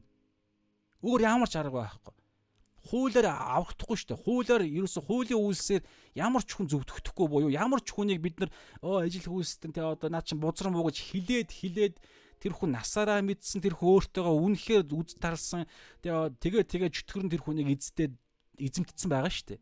Тэгэхээр тэр хүнийг ямар ч итгэгч ижил хүйстнийг ямар ч алуурчныг ямар ч бузар муу нэгнийг аврах ганц боломж бол ерөөсөө л бузар муу тэг нэгүүлсэл гимшил тэгээд дахин төрөх бурхан тэр хүнийг дотроос нь дахин төрүүлж ижил тэр хүн ижил хүүстэн чи ижил хүүстэн байхаа болно. Гим нүгэлтэй хүн гим нүгэлтэй байхаа болно. Тийм учраас ингэж эрэхт нь нэгүүлслэр урьж хайраар урьж л оруулахгүй бол хичнээн тэр хүнийг аа тэгэл тэр утга та анзарж байгаа бол сая инх батын Эрдэнэт инх батын юм дээр болоход итгэгч биш хүмүүс хүртэл угаасаа ижил хүүснүүдийг буруутгаж байгаа зү. Ойлгомжтой шүү дээ. Мэс чанарын хууль гэж байгаа. Мэс чанарын хуулиар угаасаа юу нь буруу, юу нь зөвийг хүн болгон мэдж байгаа. Тэгэхээр итгэж хүмүүсүүд угаасаа бид нар итгэж биш хүмүүсүүд мэдж байгаад итгэж биш итгэж хүмүүсүүд мэдэх нь тодорхой. Тэгээ ялгаагүй байгаад байгаа сте. Тэгээ итгэж хүмүүсүүдийн ялгаа нь юу юм? Нэгүүлсэл хайр хайраар урьж оруулах хайраар хүлээж авах авахтаа тэр хүнийг Есүс яанхантай гимтэй хүмүүсүүдтэй хамт хоолсон шүү дээ. Хоолж байгаа зорилго нь юу юм? надад итэг надтай нэгд гэж ярьж байгаа. Эхлээд чи янхантаа болчих. Эхлээд чи бузар муугаа ихэ болчих гэж нэг ч удаа хэлээгүй. Энэ энэ ямар ч боломжгүй байхгүй даа. Хэлсэн шүү дээ ямар ч Ром Ром 3:20 дээр ямар ч махад хуулийн үйлсээр зөвдөгдөхгүй. Ямар ч хүн ямар ч хүн хүнийг юу ч хилээд ямар ч ижил хүсдэг өөрийгөө өөрчилж чадахгүй. Итгэвч бид нар ч гэсэн тэр хүнийг буруутгаад өөрчилж чадахгүй. Ганц л хүч байгаа. Тэр нь Бурхны хайрыг мэдрээд гим нүглээ ухаарад гимшээд Есүст итгэх үед дотор нь ариун сүнс орж иж тэр галан хүч дотроос нь галдан шатааж шин хүн болгох үед тэр хүн шин бүтээл нь дотроос нь зүрхнээс нь сүнс зүрхнээс нь тэр хүнийг өөрчилж эхэлнэ. Тэрнээс биш өөр ямар ч боломж байхгүй. Тийм учраас тэр боломжийг эрэхт нь итгэгч нар хизээч бид хаалт тавьж болохгүй. Аа тэгэхээр тэр улс төрийн асуудал өөр байсан шүү. Би тэрийг яриаггүй шүү. Энэ өөр юм ярьж байгаа. За тэгэхээр энэ дэр Тиймээс аль аль аль аль нь нэг сүнсэнд те Христээр дамжин эцэг өөд очих замтай болжээ. Тийм бол та нар цаашаад гадныхан болон ирмэл хүн бус харин ариун хүмүүсийн адил те Израильчуудтай адилхан нутгийн иргэд болсон. Бурхны хаанчлалын иргэн шилд бий болсон гэсэн үг те Филиппо 3:20 дээр өгдөг лөө. Бурхны гэр бүлийнх болсон. Та нар илч бол та нар илч элч нар болон иш үзүүлэгчдийн суурин дээр босгогдож байгаа бөгөөд Христ Есүс өөрөө болонгийн чулуу ажээ. Тэгээ хуучин гэрээ хуучин гэрээн дээр би босгогдсон шин барилга болон шин барилга баригдаж байгаа. Түүнийг түүний дотор бүх барилга холбогдсон бүх барилга буюу одоо итгэгч нар хүүхэн шин бүтээлүүдийг ярьж байгаа шүү. Бид нарыг ариун сүнсний орших сум сүм барилга яригдаж байна. Түүний дотор бүх барилга холбогдсон эзэн доторх ариун сүм болохоор өсөж байна. Та нар ч гэсэн сүнс дотор Бурхны орших газар болохоор Христ дотор хамтдаа байгуулагдж байна. Байгуулагдж байгаа шүү. Байгуулагчсаар яваа. Тийм учраас алдаа байгаа, ялгаа байгаа, зарим нь ингээд та ингээд бутрах, мутрах барилга бол зөндөө юм яригдана. Тэр болгонд дандаа Есүсийн дотор л бид бие биенээ барина үхэс биш. Оо чи инглээ тэглээ гэж ярих юм бол тэнд тэр шин барилгын онцлог ярихдаггүй болж ирж байгаа байхгүй. Тэгэхээр бол ерөөсөө л энэ дэлхийн хуулийн нөгөө буруутгалч орж ирээд нөгөө цаана үхлийн хууль ажиллагаанд орж эхэлнэ л гэсэн үг. За ингээд Матай 27-гийн 51 дээр ингэж байгаа. Үүсэх Есүс загалмай дээр өөх үед ариун яг тэ тухайн үед байсан Зерубабелч гэдэг юм уу Херодын сүмийн аа ихтэй хоёр сүм байдаг гэдэг л. За ямар ч байсан дээр тухайн үед байсан яг ажиллагаантай байсан сүмийн ариунаас ариун газар болон ариун газрыг заагалж исэн хөшиг дундуураа ингэж цуурч хуваагддаг. Тэгэхээр тэр ч ихсэн адилхан. Матай 27-гийн 51 үзэгтэн сүмийн хөшиг дээрээсээ доош хүртэл хоёр хэсэг болон цуурсан ба газар хөдлөн хад чулуу бут өсөрч. Иймэрхүү юм болж байгаа тийм. Тэгэхээр ариунаас ариун газар ариун газрын дунд заагалж ирсэн хөшиг хуваагдж байгаа. Эний цаана ч гэсэн бас ямар санаа байгаа гэхээр Израильчууд болон хари үндэстнүүдийг заагалж ирсэн хөшигч гэсэн хуваагдсан гэсэн үг. Хуваагдлын ханыг Есүс нурааж байгаа. Тэгээ түрүүн хэлсэн те Эфес 2:11-ээс 22 дээр дэлгэрэнгүй ярьсан. Есүсээр дотор бүгд нэг болж байгаа. Есүсийн дотор. За тэгээд Эфес 4:1-ээс 6 дээр нэг юм хэсэг байгаа. Эфес 4 дээр нэг гоё хэсэг байгаа би. Одоо энэ өчтөд за ингээ харь үндснүүд Израильчууд ингээд Есүс Есүсийн дотор нэг болчтiin байж. За нэг болцсон хойноож гисэн дахиад хуваагдал гараад байгаа байхгүй хуваагдлууд. Жишээ нь Монгол чуулган дотор ч гэсэн хуваагдлууд гараад байгаа. Тэгээд тэрнтэй хамааралтайгаар бас сүнслэг хуваагдлыг энд бас ярьж байгаа. Эфес 4-ийн 1-ээс би уншия. Иймд та нар дуудагдсан тэрхүү дуудлагада ямар дуудлага юм? Есүсийн чуулган, Есүсийн бие, нэг бие, нэг нэг хаанчлалтай, нэг хаантай, нэг сүнстэй, нэг зоригтой, нэг их үүсвэртэй одоо юу гэдэг энэ тэр нэг л бие байхгүй, нэг хаанчлал. Тэгэхээр энэ нэг байхын та нар дуудагдсан дуудлагада зүү зохистой явахыг Бурхан аавыг алдаршуулах нэг л зорилготой тий. Зүү зохистой явахыг эзний хоригдл би хичээнгүйлэн ятхыг. Эфес 4-ийн 2-оос уншиж чинь. Ингэхдээ хайранд альва даруу дүлгөөн зангаар бие биендээ бие биенээ хүлцэн дэвчиж ерөөсө хуваагдлыг арилгах ганц арга ив нэгдлийг бий болгож байгаа ганц юм бол ерөөсөө л хайр даруу байдал бие биенээ дэвчих дэвчээр байгаа байхгүй Тэрнээс биш теолог нь нэг болгочих юм бол нэг нэгдмэл байх би болчихно гэдэг юм биш байгаа даа байхгүй. Хамгийн гол нь тэр нэг ойлголт юу вэ гэхээр тэр тухайн теолог нь зүв байж болно. Тэгэхээр теолог нь тухайн теолог Библи судлал тухайн тэр Библийн үнэн нь тухайн хүний зүрх рүү орж хандлагыг нь өөрчлөөд үг яриа үйлсээр нь гарч ирээд Библийн хайрлах үйлс үр жимс болоод даруй байдал үр жимс Тэ твчих твчээ нөгөө ариун сүнсний Гада 5:22-оос 23 дээр байгаа 9 үр жимс байгааз 2 3-ыг ярьчлаа. Тэгээд ингэж үр жимс гарч иж тухайн теолог үр жимс болж тухайн библийн үнэн үр жимс болж гарах үед л ив нэгдэл бий болоод байгаа байхгүй.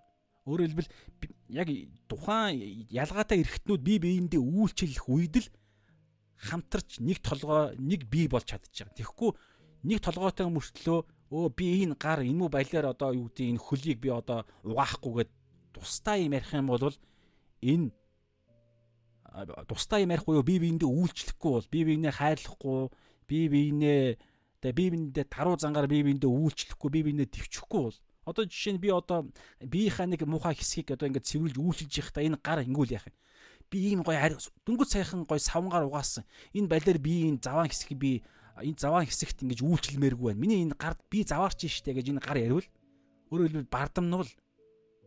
Төвчихгүй те би төвчмээргүй байна. Наад чи муухай хэсэг ингүүл ив нэг л байхгүй болчих жоох. Энэ нэг би нэг би биш болно гэсэн үг. Энэ нэг гар тустай ингээд их юм бол энэ вирустцсан одоо энэ сонин гар болж байгаа зү. Тэгэхээр чуул яг бие дээр ярихаар ийм ойлголт байхгүй мөртлөө сүнслэг бие буюу чуулган дээр ийм ойлголт байгаад байгаа байхгүй. Тэр утгаараа ийм юм байж болохгүй гэж ярьж байгаа юм тэр. Тийм учраас л одоо чааш нь бүгд уншия. Амар тайвны холбоос нь сүнсний нэгдлийг хадгалахыг хичээх түн. Сүнсээр л нэгдэл, эв нэгдэл яригадаад байгаа. Амар тайван байдал, бүрэн бүтэн байдал те.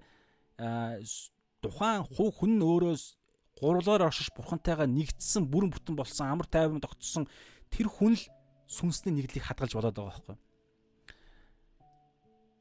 сүнсний нэгдлийг хадгалахыг хичээх тун. Та нар дуудлагынхаа нэг л найдварт дуудагдсны адил нэг найдварт нэг бие адил нэг бие нэг сүнс нэг эзэн нэг итгэл, нэг баптизм, нэг бурхан байна.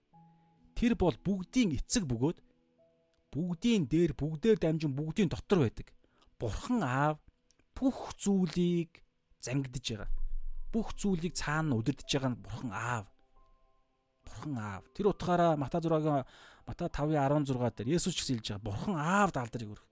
Гэтэ бурхан аавыг алдаршуулах ганц арга зам нь Есүс алдаршиж иж гэдэг юм ярьж байгаа. Тэг чааш нь Эфес 4:11-ээс тэр заримыг нь одоо эндээс ардаа ялгаа гарч ирж байгаа. Ариун сүнс ялгаатай юм хуваарлна. Гэхдээ энэ ялгаатай юм хуваарлахтай хүртэл зорилго нь байгаа.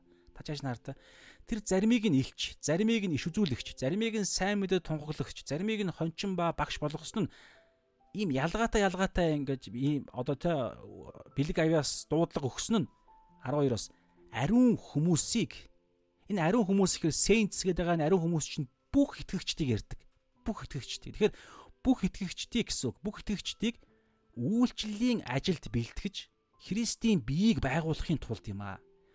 Тэгэхээр энэ яг чуулганы таван талд үйлчлэж ярьдаг. Чуулганы оршиж байгаа зорилго нь бүх итгэгчдийг бие биендээ нэгдүгээрт хамгийн эхлээд шүү. Хамгийн эхлээд эхлээд бие биендээ ахан дүүс итгэгч нар бие биендээ дараагаар нь нийгэмд энэ дэс дараа маш чухал шүү. Библиэд дандаа ийм ярьдаг шүү.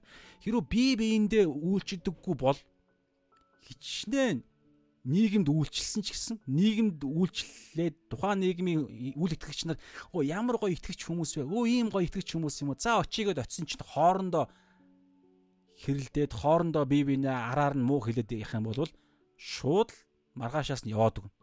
Оо ямар хоёр нүртэй юм бэ гэж ярьд. Тэр утгаараа тухайн хаанчл чинь өөрөө хүчрхэг ариун сүнсээр нэг нэг гэдэг байгаа ийм хаанчл байгаа цагт зүгээр сайн мэдээж тарахгүй зүгээр та манад хүрээд ирдэ ганц кино үзтээ гэж хэлээл би зүгээр юу ярьж тохиол кейс ярьж ин тэ тэгж ирээл киногоор ч хамаагүй өрхөд кино үзэнгээ тэр кино үзэх 2 цагийн хугацаанд хүртэл тэр хамт олонны ямар гоё байгааг анзаараад зүгээр дараа нь хоол идэх ч юм уу тэрийг анзаараад шууд ирнэ. Гэтэ тэр нь хоёр нүрээр тэгж дүр эсгэж исэн болвол маргааш нь ирсэн ч гэсэн хэсэг явж байгаа тэр дүр эсгэж байгаа нь баригдана гэсэн үг. Тэг яваад өгнө. Харин үннээрээ тэгж явал тэр хүн татагдаад ер нь би ер нь та анзаарж байгаа юм бол итгэгч нар шууд сайн мэдээнд итгээ цуглаанд явсан хүмүүс хэр байдаг би сайн мэдэхгүй байна. Би бол багаасаа цуглаанд явсан. Тэгэхээр багаасаа би хизээч бурхан бурхан гэдэг ойлголт татагдаж ирээгүй шүү дээ. Би эхлээд бэлгнээс болж очсон. Дараагаар нь бэлэг авч очоод тэнд байгаа анхудаа чуулганд Тэгээ амиан цуглаан баггүй. Ангуудаа амиан цуглаанаас би бурхны хайр том хүн хүүхдэд хайртай гэдэг үгийг сонсчихсон. Ер нь хайртай шүү гэдэг үгийг би ангуудаа сонссон байхгүй. Багасаа ерөөхдөө бол ийм ойлголт юусоо байхгүйсэн. Хайр гэдэг ойлголт юусоо ойлгоо мэдэхгүй. Тэгэхээр тэр нэг юм хайр нь татагдчих цуглаанд явж эхэлж байгаа байхгүй. Тэгээд баг багаар ингэж явж явж явахдаа ингээд тэр үннийг нь ойлгож байгаа. Тэгэхээр харж байна. Эхэлж цуглаан хоорн тэр би эхэлж бие биенийгаа дараагаар нь бусдад үйлчлэх. Энэ ажилд одоо энэ саяны ялгаатай ялгаатай үйлчлэлүүд ингэж бэлтгэж байгаа. Чааш нь бид бүгд 13-аас бид бүгдээрээ итгэхгүй. За итгэл нэгдүгээрт Бурхныг мэдэх, Бурхны хүүг мэдэх мэдлэг дор нэгдэх хүртлээ төлөвшсөн хүн болтлоо Христийн дүүрэл чанарын хэмжээнд хүртлээ ингэх ажээ. Өөрөөр хэлбэл саяны энэ ялгаатай ялгаатай үйлчлэлүүд бүх итгэгчдийг үйлчлэлт ингэж те эхэлж цуглаанда дараагаар нийгэмдэр ингэж үйлчлэхтэй бие биендээ шүү. Нэг нь одоо бата гэдэг хүн доржоод үйлчлээд доржоо эргээд батаад үйлчлэхгүй бол асуудалтай шүү дээ. Заримдаа ингэж ярих гэдэг. Тэгвэл тэр батаа чинь хамаг юмаа өрөөд тэр батаад их үйлчлэх юм. Адилхан харилцсан бие биендээ. Уг нь бүх бодох юм бол хүн болгонд бие биендээ үйлчлэх юм өгөх юм санаа санал болгох юм зөндөө байгаа шүү дээ. Уг нь бол ядаж урам юу үг ярам ядаж одоо юу гэдэг сонсч өгдөг ч юм мэдэхгүй одоо ямар нэг юм ариун сүнс заавал хуваарлдаг. Тэр юмараа одоо үйлчлэх юм ярьж байгаа. Аа ер нь бол няра үйлчлэлийн няруу гэж ярьж байгаа шүү. Энэ нэгдүгээр Коринт 4 дээр байна уу да. Хаана энэ. За тэгэхээр ингэж байна. Тэгээд энэ зорилго нь юу гэхээр нэг итгэл итгэлийн төлөө ингэж байгаа. Бүгд итгэхгүй ба тэгээд Бурхны хүүг мэдэх мэдлэг дотор нэгдэх хүртлээ төлөвшсөн хүн болтлоо ингэж бие биендээ үйлчлэнэ гэж ярьж байгаа. Бас чуулган таван талд үйлчлэл ингэж чуулган итгэгчдийг ингэж бэлтгэнэ гэж ярьж. Христийн дүүрэл чанарын хэмжээнд хүртлээ. Энэ магадгүй Есүсийг эрен эртэлтэй одоо гэдэг ойлголт байж магадгүй цаасан судлаагүй. За тэгээ 14-өөс бид бид цаашид хүүхэд байхаа болж давлгаанд энд тэнд шидэгдэн альва номлолын салхи хүмүүсийн ов мэх болон залхай хуйлдааны башир арга туулал туугдалгүй.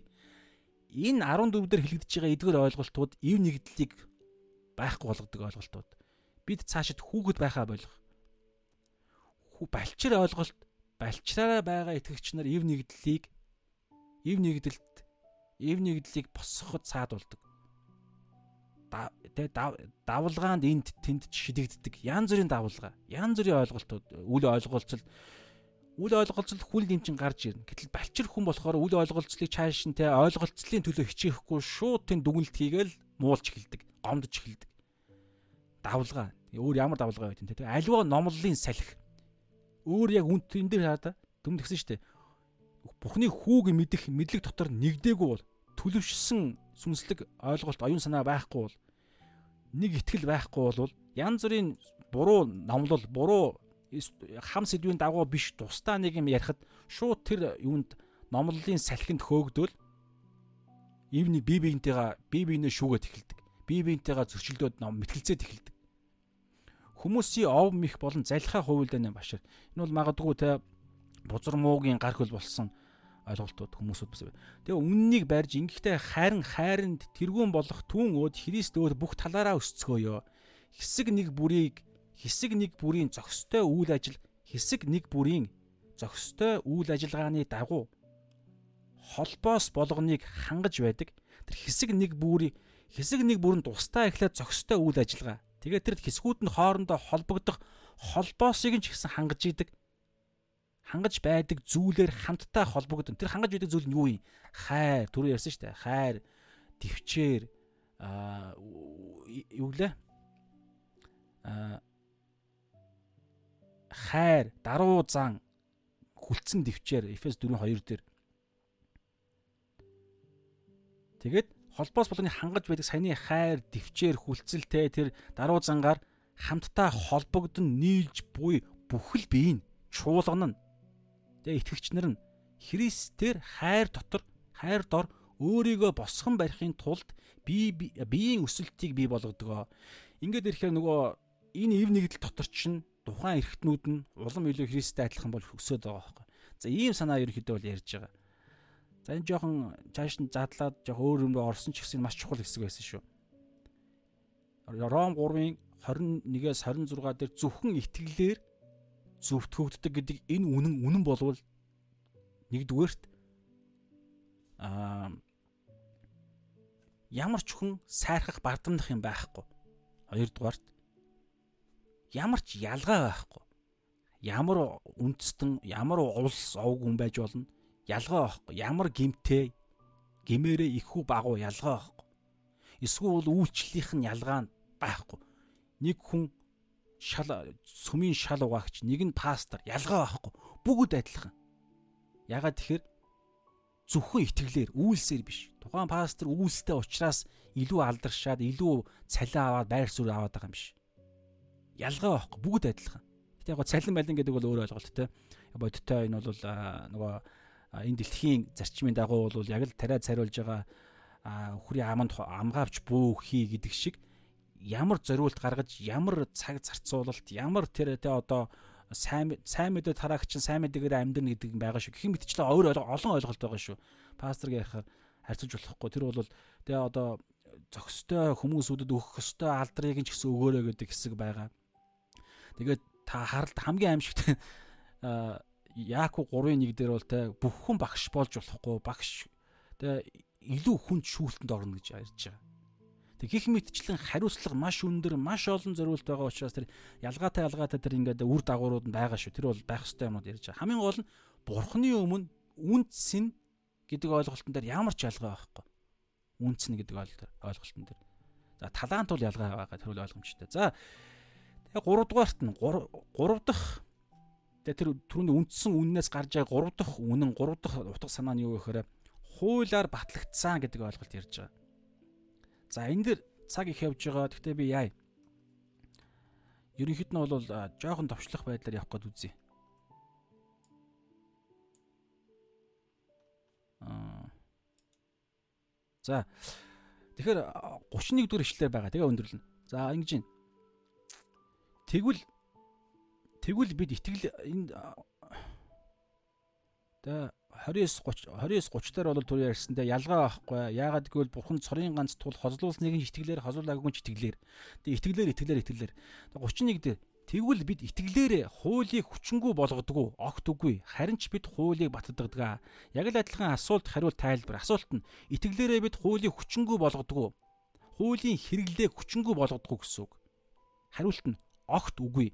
Энэ бүр грек грек их хэлэн дээр хоёр үгээр байгаа байхгүй юу? хизээч үгүй. Яасан ч үгүй. Бүр мянган удаа, сая удаа бүр хин хязгааргүйгээр давтан давтан давтан үгүй, үгүй, үгүй гэж хэлж байгаа. Ийм одоо баттай хатуу маш чухал байр суурь. Өөрөөр хэлбэл итгэлээрээ бид хуулийг хүчингү болгодоггүй. Энэ маш чухал ойлголт шүү. Энийг ойлгохгүй бол энд сатааны маш залтай хуурам эхлэлт орж ирдэг. Гэтэ энийг зөв ойлгосон ойлгож иж өрөөгдөнө. Буруу ойлгол бүр эсрэгээр аюултай болж магадгүй. Хоёр туул яриад байгаа байхгүй. Тайлбар нь огт үгүй буюу огт үгүй хүчээд харин ч буюу эсрэгээр эсрэгээрээ бид хуулийг баталдаг establish гэдэг үг байгаа байхгүй юу. Энэ establish гэдэг англи дээр орчуулагдсан грек хэл дээр энэ системи гэдэг за буруу уншиж магадгүй. Системи гэдэг энэ үг бол ямар санаа байгаа гэхээр босхон зогсоох, босхон зогсоох байрлуулах, доктортой болгох, балансыг нэг алдагдуулахгүй доктортой болгох тийм үг байгаа. Грек хэл дээр эхэлнэ. Тэгэхээр үгүй ээ бид хуулийг хүчингү болгодоггүй, итгэлээрээ бид хуулийг хүчингү болгодоггүй, харин ч бид хуулийг босхон зогс яг босхон зогсгодог хуулийг байрлуулдаг хуулийг доктортой балансыг ингэж доктортойгоор яг байр суурин дээр нь хуулийг байрлуулдаг гэсэн санаа. За ойлгомжгүй цааш нь тайлбарлах хэрэгтэй. Тэгэхээр хууль гэдэг ойлголт ярихаар хам сэдвээсээ шалтгаалж за шинэ гэрээний 27 номон дээр янз янзаар хэрэглэгддэг. Энэ энийг та эхлээд маш сайн ойлгох хэрэгтэй. Жишээ нь Галаалт номон дээр хууль хууль сөргөөр илэрхийлэгдэж байгаа. За магадгүй Яаков дээр арай өөр илэрхийлэгдэнэ. Янз янз. Жишээ нь надад ардаа энэ Ром 3 дээр гэхэд бидний үзэж байгаа энэ Ром 3 дээр гэхэд хууль дөрвөн байдлаар илэрхийлэгдэж байгаа гинэ. Жишээ нь Ром 3-ын 19 дээр хууль гэдэг нь тэр чигээрээ 39 ном бүхий хуучин гэрээ. Хуулийн хилж байгаа болгоно нь хуулийн дор байгсад хандан ярьдгийг бид мэддэг. Ингэснээр ам болгон таглагдж ертөнц даяараа бурхны өмнө буруутгагдах болно. Энэ бол шууд тэр чигээрээ цаашаага а хуучин гэрээний 39 ном хуучин гэрээг энэ хууль гэдэг нь илэрхийлж байгаа. 21 дээр хууль гэдэг нь зөвхөн Мосегийн 5 ном Тоораг илэрхийлж байгаа. Харин идүүгээ Бурхны зөв нь хуулиас ангид илчлэгдэв. Үүнийг хууль ба иш үзүүлэгчд гэрчилсэн юм аа. Өөрөөр хэлбэл 39 номыг одоо дотор нь дахиад хуваагч хуваачиж байгаа. Эхний 5 ном хууль иш үзүүлэгчд ихээр Йошугаас эхлэл Малахай хүртэл бүх Бурхныг илэрхийлсэн, Бурхны үгийг илэрхийлсэн тэр ойлголтууд ингээд базаад илчиж байгаа. За 27 дээр хууль ихээр ажиллах зарчим зүгээр одоо ажиллах альва үйл ажиллагаа явагдах зарчмыг илэрхийлж байгаа рүү үзсэн хэсэг те. Тэгвэл сайргал хаана байна? Хаанч байхгүй. Ямар хуулиар зөвтгөх вэ? Үйлсийн хуулиар үгүй, харин итгэлийн хуулиар. Ямар зарчмаар зөвтгөх вэ? Үйлсээр үгүй, итгэлээр, итгэлийн зарчмаар гэдэг байлаар зарчим болоо явчихж байгаа. За 20, 28, 20, 31 дээр хууль гэдэг нь ёс суртахууны хууль. 10 хууль. За би 31-ийг таавш. Энэ одоо би итгэгч нартай хамааралтай. Маш чухал ойлголт шүү. Тэгвэл бид итгэлээрээ хуулийг хүчингү болгох уу? Өөрөөр хэлбэл 10 хууль хүчингү болох уу? Ёс суртахууны хууль хүчингү болох уу? Үгүй. Бүр огт үгүй. Бид хуулийг баттгадаг. 10 хуулийг итгэгч нар ариун сүнстэй Есүсээр зөвтгөгдсөн, аврагдсан, хуулийн ялаас чөлөөлөгдсөн итгэгч нар 10 хуулийг бүр хуулийг баттгадаг. Энийг бол цаашаага Ром 6 7 дугаар бүлгүүрээр бүр дэлгэрэнгүй үзнэ. За тэгэхээр энэ 10 ёс суртахууны хуулийг хэлж байгаа. Энэ 10 хууль ардаа Мосегийн 5 ном буюу Тора гэдэг байгаа тэр 5 номдор байгаа 613 хуулийг 3 одоо англид хувааж болдог те. Нэгдүгээрт ёс суртахууны, хоёрдугаарт иргэний буюу одоо өдөр тутмын амьдралын, гуравдугаарт нь ёс жаншлын а ёс ёс заншил зан үйлийн ч гэдэг юм уу те ёс заншил зан үйлийн одоо нөгөө дахлын хууль мөлг орчиж байгаа. Тэгэхээр энэ хуулийн байж те хоёр нь ерөнхийдөө итгэгч нартай хамааралгүй. Ёс заншил зан үйлийн хууль буюу хуучингээ дээр дахил махил тэр бүх зүйлс байхгүй болцсон. Есүсийн дотор бүгд биелэлцсэн. Иргэний хууль буюу өдөр тутмын тэр нь зөвхөн Израилийн ахуйн соёлтой хамааралтай. Бас бид нартай хамааралгүй болцсон. Ёс суртахууны хууль буюу 10 хууль нь бид нартай хамааралтай. Одоо ч гэсэн хүчинтэй хിവэр гэж ярьж байгаа. Гэтэл 20-ын 11-ээс 17 дээр байгаа. Нэгдүгээрт өөр шашинтай надаас өөр бурхантай байж болохгүй.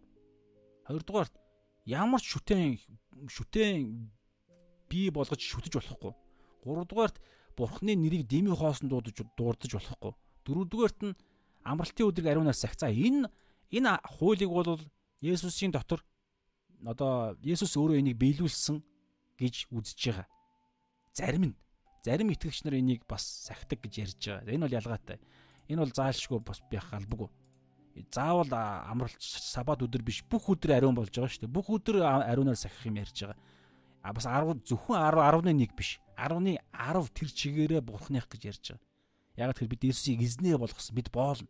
Хаанчлалын төлөө хаасаагүй бид юм юу хийж байгаа юм болгоно хаанчлалын төлөө өдөр бүр өөрийгөө үгүйсэн гэдэг асар том ойлголт учраас энэ зөвхөн сабат өдөр биш бүх өдөр ариун гэдэг юм яригддаг. За тэгээд 5 дугаарт нь эцэг энэ эхний дөрөв нь ерөнхийдөө босоо чиглэлд үлдсэн 6 нь хүнлэн чиглэлд хүмүүс хоорондоо эцэг гэхээ хүндлэх одоо хിവэрэ хүн алж болохгүй. Одоо хിവэрэ садар самуу садар садар юу гэвэл завхаарч болохгүй. Одоо хിവэрэ хулгай хийж болохгүй. Одоо хിവэрэ худлаа ярьж болохгүй. Одоо ч итгэгч нар бүр хിവэрэ шун шунж болохгүй. Итгэгч нарт хിവэрэ. Итгэгч нарт өөр надаас өөр бурхантай байж болохгүй шүтэн шүтэж болохгүй. Амралтын өдрийг бишээ бурхны эцгийн нэрийг дими хоосон бүү дуртах буюу цаана нь бол тэгээ за янз янзаар л энэ тайлбарладаг те ямар ч байсан худал хэлэхдээ ер нь жоохон ойролцоо байгаа. Гэх мэтчлэн энэ яс суртахууны хууль итгэгч нарт хിവэрэ хүчнтэй хിവэрэ тэр тусмаа итгэгч нар энэ дээр тэгж штэ Ром 3:30 31 дээр. Бид хуулийг энэ ёс суртахууны 10 хуулийг бид бүр баттгадаг энэ Ромд байгаа хариу үндснүүдэд хариу үндэсний чуулганд хандаж шилж байгаа штэ тэгэхээр энэ хуулийг баттгадаг гэдэг дээр нөгөө нэг ёс ёс заншил зан үүлийн хуулийг нь хэлээгүй.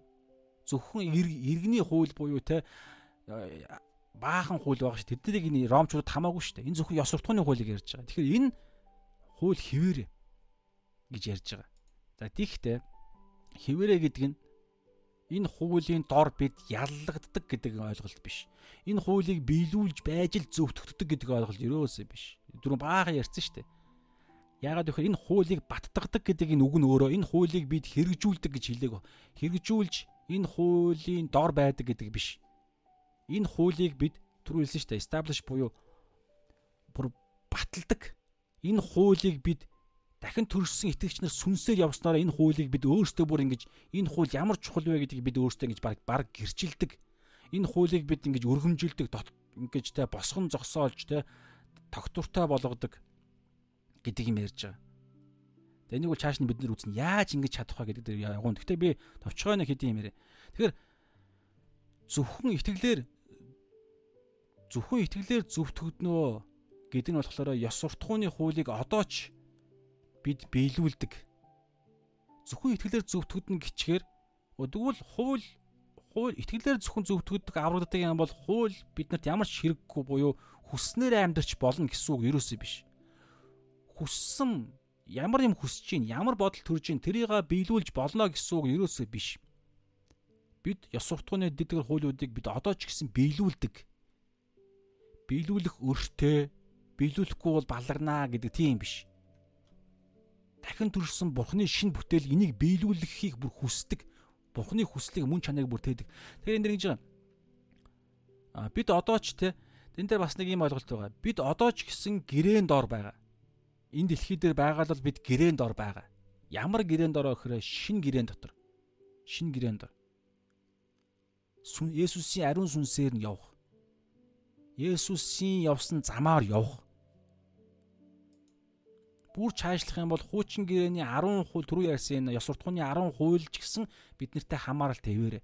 Тэнгэрийн ууст очих юм бол За энэ за яг орж гараад гэх шиг. Тэнгэрийн улсад очих юм бол та энэ 10 хуулийг хардаа.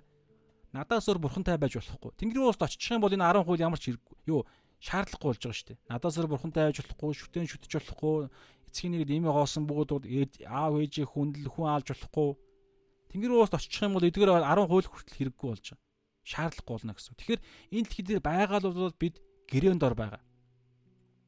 Тэгээд энэ хуулийн дор хууль гэдээ ярихаар хоёр юм туйлширсан ойлголт байгаа байхгүй. Энэ хоёр туйлширсан ойлголтын аль нь ч биш. Нэгдүгээр хуулийг эсэрц эсэргүүцэгч нар итгэгч нар биш. Итгэгч нар хуулийг эсэргүүцдэггүй. 10 хуулийг ярьж штэ эсэргүүцдэггүй. Харин ч бүр энэ дээр Ром 3-ын 31 дээр бид хуулийг баттгадаг, хуулийг бүр гэрчилдэг, хуулийг хуулийг бид биелүүлдэг. Тэгээ хуулийн доор дарлагдаж, хуулиар боочлогддог биш шүү. Аль хэзээ чөлөөлөгдсөн мөртлөө бид хуулийг биелүүлдэг. Ягаад тэгэхээр одоо бид нар доор үзнэ одоо нэг хэдийн юм үзээд их хуулийн онцлогийг тэгээд тэгсэн мөртлөө нөгөө туйл нь нөгөө туйлширсан буруу ойлголт нь нэгүслийг ашигладаг нэгүсэл нэгүслээр авраг итгэлээр аврагдсан юм чинь нэгүсэл байгаа юм чинь өршөөл байгаа юм чинь хуулийг яаж зөрчсөн ч болно. Ягаад тэгэхээр бурхан биднийг өршөөдөг нэгүсэл биднэрт байгаа гэж ярьдаг. Аль аль нь биш? Аль аль нь жинхэнэ итгэгч хүн биш? Дахин төрсэн жинхэнэ итгэгч хүн энэ хоёр туйлшрлын аливаар нь явахгүй жинхнээсээ мэс чанараараа дахин төрсөн болвол мэс чанараараа хуулийг биелүүлэхийг хүсдэг. Хуулийг сонсонгуутлаа тэ өө та та харал та. Надад өсөр бурхантай байж болохгүй гэж сонсонгуутлаа. Өөгүй үгүй би хуулийн дор баймааргүй байна. Би өөр бурхантай баймаар гэж хэлэх юм уу? Ямар ч итгэж үнийг хэлэхгүй шүү дээ. Өөр шүтэн шүтэж болохгүй гэж хэлсэн чи өө би энэ 10 хуулийн 2 дахь хууль гитлэл номын Мосегийн хуулийн 5 номын гитлэл номон дээр байгаа Ром гитлэл 20 дугаар бүлэг дээр байгаа энэ хуулийн өөр шүтэнтэй байж болохгүй гэдэг энэ заалтанд би боошлохдохгүй гэж хэлэнгүүтлээ өөр шүтэн шүтдэг тийм итгэж байгаа? Байхгүй шүү дээ. Бурхан эцгийн нэрээр дими хоосон бүр дурдах. Тэгээ энийг би сайн судалмаар байгаа даа энэ ямар ч байсан те одоо Америкууд дээр л их ярьдаг те одоо ингээл өө бурхан мэн гэл нэг юм үг мүгийг гэж хэлдэг. Гэтэ миний бодлоор бол цаана арай өөр санаа байгаа гэж бодож байгаа. Тэгээд эцэг ихэ хүндлэх өө би эцэг ихэ хүндж болохгүй гэдэг хуулиас болоод би би энэ хуулинд захирагдмааргүй байна. Би хуулийн Есүс намайг чөлөөлсөн. Тийм учраас би энэ хуулинд ор энэ хуулинд би дарлагдахгүй гингүүтлээ эцэг ихэ хүндлэхгүй байна гэдэг юм байхгүй шүү дээ. Тэгэхээр жинхэнэ дахин төрсөн итгэгч хүн бол хуулийг эсэргүүцдэггүй. Хууль чинь бидний мөн чанар байгаа даа сте. Бүр бүр биелүүлдэг. Бүр бүр бүр биелүүлэхийг хүсдэг, биелүүлэхгүй байж бүр чаддаггүй болдог. Тийм учраас нисэргээрээ нэгүслийг ашигладаг тийм хүн байхгүй. За Тэгэхээр хууль дараах хоёр зүйлсийг ерөөхдөө заагаад байгаа юм. Нэгдүгээрт хуульд дуулуур хүний хорон муу хууль болохоор хүний хорон мууг ерөөхдөө илэрхийлж харуулдаг. Өөрийн хүчээр аврагдах ямар ч боломжгүй хуульд дуулууртай байснараа аврагдах ямар ч боломжгүй тийм сул дорой чадваргүй хорон муу гэдгийг нь дэрслэгч гэдгийг нь хууль илтгэн харуулдаг. Тэгээ эсрэг тийм учраас зөвхөн итгэлэл аврагдана гэсэн үг шүү дээ. Тэгэхээр нэгдүгээр Тимот За одоо дуужруулаа. 1-р Тимот 1:8-аас 11 дээр за би яг та өөрөө уншиж болно. 1-р Тимот 1:8-аас 11 дээр би зүгээр товчлчих. Хуулийн зөв хэрэглээ байгаа. Тэр нь юу вэ гэхээр ерөөсөө ёс бус гимтэй хүмүүсүүдийг гим нүглийг нь илчлэх зорилготой. Хамгийн сүүлийн ишлэгийг нь уншия. Энэ нь надад даалгагдсан ивэлт за би 8 11 нь уншия. Хин нэгэн ёсоор нь хэрэглэвэл хууль нь сайн гэдгийг бид мэднэ. Тэгээд ингээд хуулийн зөв хүнд бос харин хуульгүй хүмүүсүүд ёс бос ингээд ийм гимтнүүдэд хэрэгтэй. Ийм л хүмүүсүүд зориулагдсан. 11 дээр энэ нь надад даалгагдсан ивэлт бурхны алдрын сайн мэдээний дагуу хуулийг ашиглах боломжтой. Нөгөө нэг гим нүгэлтэй гэдгийг нь ойлгуулах зорилготой. Хоёрдугаарт Галаат 3-ын 24-25 дээр тиймдүүд итгэлээр зөвтгөхийн тулд бидний тулд бидний хувьд хууль нь биднийг Христ рүү хандуулах зааварчилгаа болов. Харин идүүгээ итгэл ирсэн тул бид цаашид зааварчилгаанд ор байгаа болов. Өөрөөр хэлбэл хууль нь бид нарыг Есүсийн нэгүсэл аврал Есүсийн загалд сайн мэдээнд итгэх итгэлээр л зөвтгөх энэ сайн мэдээ ямар чухал вэ гэдгийг хууль биднэрт одоо сурталчилдаг, рекламддаг, тэрлүү чиглүүлж зааварчилгаа болдог. Яг тэгэхээр чи энэ сайн мэдээнд итгэхгүй бол өөр чамд ямар ч боломж байхгүй шүү. Чи шууд мөнхийн галтнуур тамлагдах ёстой гэдгийг хууль баталдаг. Жишээ нь надаас надаас бурхантай байж болохгүй гэсэн чинь монголчууд буддаа бөөш үтж чинь. Шууд там руу явах хэрэгтэй. Эсвэл хин нэгэн бурханд итгэдэггүй. Ямар ч бурханд шүтгэхгүй байна гэд бурханыг бурханыг алдаршуулахгүй байна гэдэг чинь ямар энийг бурхны хуулийг зөрчиж байгаа нь зөрчихгүй байна гэж хэлж болохгүй. Тэр хүн өөр нэг ойлголтыг шүтэж байна гэсэн. Бурхангүй үзэл, өөрийгөө бурханчлах, эсвэл бол тэ одоо шинжлэх ухааныг, эсвэл бол юу гэдгийг өөрийнхөө хүний оюун ухааныг бурханчлах шийдэг юм уу? Эсвэл үндэсрэх үзэл шийдэг юм уу? Янз бүрийн байдлаар заавал ямар нэг юмыг хүн одоо шүтэж нэг юмд боогочлогддог гэж ярьж байгаа байхгүй. Тэгэхээр энэ мэдчлэн альва бүх хууль ингээд эцэг ихэ хүндлэхгүй хүн аалж болохгүй алга гэдэг дээр хүртэл хэлж байгаа шүү дээ. Үзий ятах нь алгатай адилхан. Тэгэхээр энэ хуулийг хэлж иж нөгөө хүн чинь сонсонгуутлаа өө яана бид үгүй энэ хуулийг чинь зөрчсөн юм байна шүү дээ гэж хүлээн зөвшөөрнө. Завхаарж болохгүй. Нүдэндээ тачаатай харах юм бол шууд завхаарсантай адилхан хэлсэн. Тэнгүүл годомжинд ямар ч хүнээс очиол те та эсрэг хүүснээ тэгээ одоо ингээд сонирхон хүсэмжлэх харцаар харж исэн тохиол байгаа юу? Ямар ч хүн тийм ээ гэж хэл ингэж хэлж байгаа үгээрээ тэр хүн юу хүлэн зөвшөөрж байгаа вэ гэхээр гим нүгэлтэй гэдэг хөлөмжшөр. Тэгвэл нүглийн хөлс бол үхэл Ром 6:23 мөнхийн тамд үхэх үхэл. Ингэж хэлснээрээ тэр хүн ямар аимшигтай байдалд байгааг нь хуулиа дамжуулан бид нар ингэ хэлчихэж байна гэсэн. Ингэснээрээ ганцхан арга зам. Есүсийн төлөөсөнд итгэх итгэл. Есүсийг эзнээ болгох гэдэг бол. За энэ бол хуулийн нэг дахь зорилго нь. Хуулийн хоёр дахь зорилго нь юу гэхээр Бурхны сайн хүслийг илэрхийлдэг. Тэгэхээр энэ сайн хүслийг а илэрхийлдэг. Нэгдүгээрт Есүс өөрөө яг энэ амьдралаар амьдэрсэн. Хоёрдугаарт Есүс ариун сүнс Есүсээр дамжин нэгдүгээрт хоёрдугаарт ариун сүнсээр нь дамжин бид нар энэ сайн хуулийг бас яг энэ сайн хүслийг нь үргэлжлүүлэн хуулийг биелүүлэх боломжтой. Одоо түрүүн яриад байгаа хэсэг дээр байхгүй. Тэгэхээр Ром 7-гийн 12 14 дээр хуулийн 2 одоо онцлог байгаа. 10 12 дээр нь тиймээс хууль бол ариун гэж байгаа. Тушаалч ариун бөгөөд зөв бөгөөд сайн. Тэгэхээр хууль бол ариун зөв сайн. За хоёрдугаарт Ром 7-гийн 14 дээр хууль нь сүнслэг. Сүнслэг гэдгийг бид мэддэг гэж байна. Тэгэхээр Ром 7-гийн 12 14 дээр хуулийг сайн, зөв, ариун сүнслэг гэж хэлж байна. Ром 2-ын 18 дээр хуулиас заалгаснаар түүний хүслийг мэдэн онц сайн юмсыг таньдаг юм бол хууль энэ дээр би өөр нэмэх байж хууль байж тэ бурхны хүслийг илэрхийлдэг альва үнний стандарт болдог? Стандарт. Энэ дээр болохоор хууль нь болохоор сайн. Зөв ариун. Тэгэхээр ийм ойлголтууд байгаа. Хууль нь өөрөө дангаараа ийм. Тийм учраас одоо тэ дээрх нь хуулиндаа Есүс рүү чиглүүлдэг гэдгээр бид Есүст итгэснийхэн дараагаар нь жинхэнэ хуулийн үндсэн дангаараа байгаа Бурханаас яг амнаас нь гарах үед Бурхан ч өөр ариун шүү дээ. Тэгээ Бурханаас тийм бузран муу юм гарахгүй шүү дээ. Тэгэхээр Бурханаас гарч байгаа яг тэр төлөв байдал нь одоо биднэрт хамаатай болж байгаа байхгүй. Итгэж болсны дараа. Итгэж болохоос өмнө бол тэрнээс илүүгээр хууль нь биднийг ялалж ямар хорон муу аимшигтай гэдгийг нь хууль батлна. Тэгээ баталснараа бид нар ямар аимшигтай байдал байгаагаа ойлгоод гимшээд Есүс итгэнэ. Итгэсний дараагаар нь хуулийн яг тэр яг ориг төлөв байдал нь одоо биднэрт хамаатай болж байгаа. Бурхны хүсэл биднэрт хамаарал. Ягаад тэгэхээр бид Бурхан бидэн дотор бидэн дотор амьдарч байгаа шүү дээ ариун сүнс. Бид нар өөрсдөө бас Есүс хүүгийн дотор амьдарч байгаа. Ингээд ирэхээр бурхны хүсэл биднэртэй хамаатай болно. Тэгээ бурхны аливаа үнний стандарт биднэртэй хамааралтай болно.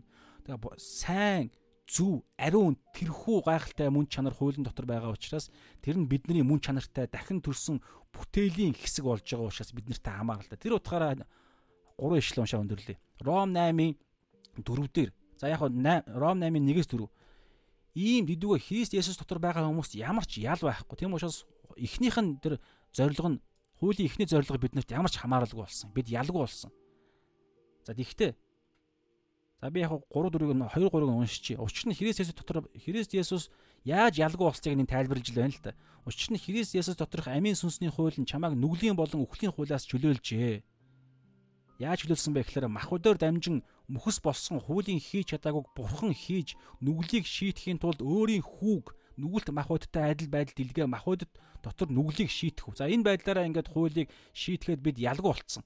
Гэхдээ дөрөвдөр ингэснээр ийм учраас хуулийн шаардлага нь махуудын дагуу бас харин сүнсний дагуу явагч бидэнд биелэгдэнэ гэж. Тэгэхээр бид ч гэсэн хуулийн шаардлагыг биелүүлэх дуудлагатай. Тэр нь ариун сүнсээр нь дамжиж. Дахин төрсөн үрчлэлийн ариун сүнстэй тэр шин бүтээлийнхаа төлөв байдал дотор буюу Есүсийн сүнс ба үгээр нь явдаг энэ төлөв байдал дотор бид хуулийн шаардлагыг биелүүлдэг. Биелэхгүй алдахгүй гарна. Тэр үед яах юм? Есүсийн зөвхт байдал дотор Есүсийн үнгүү зөвтгөлийг аваад эргээл биелүүлж эхэлнэ. Иймэрхүү байдлаар явна гэсэн.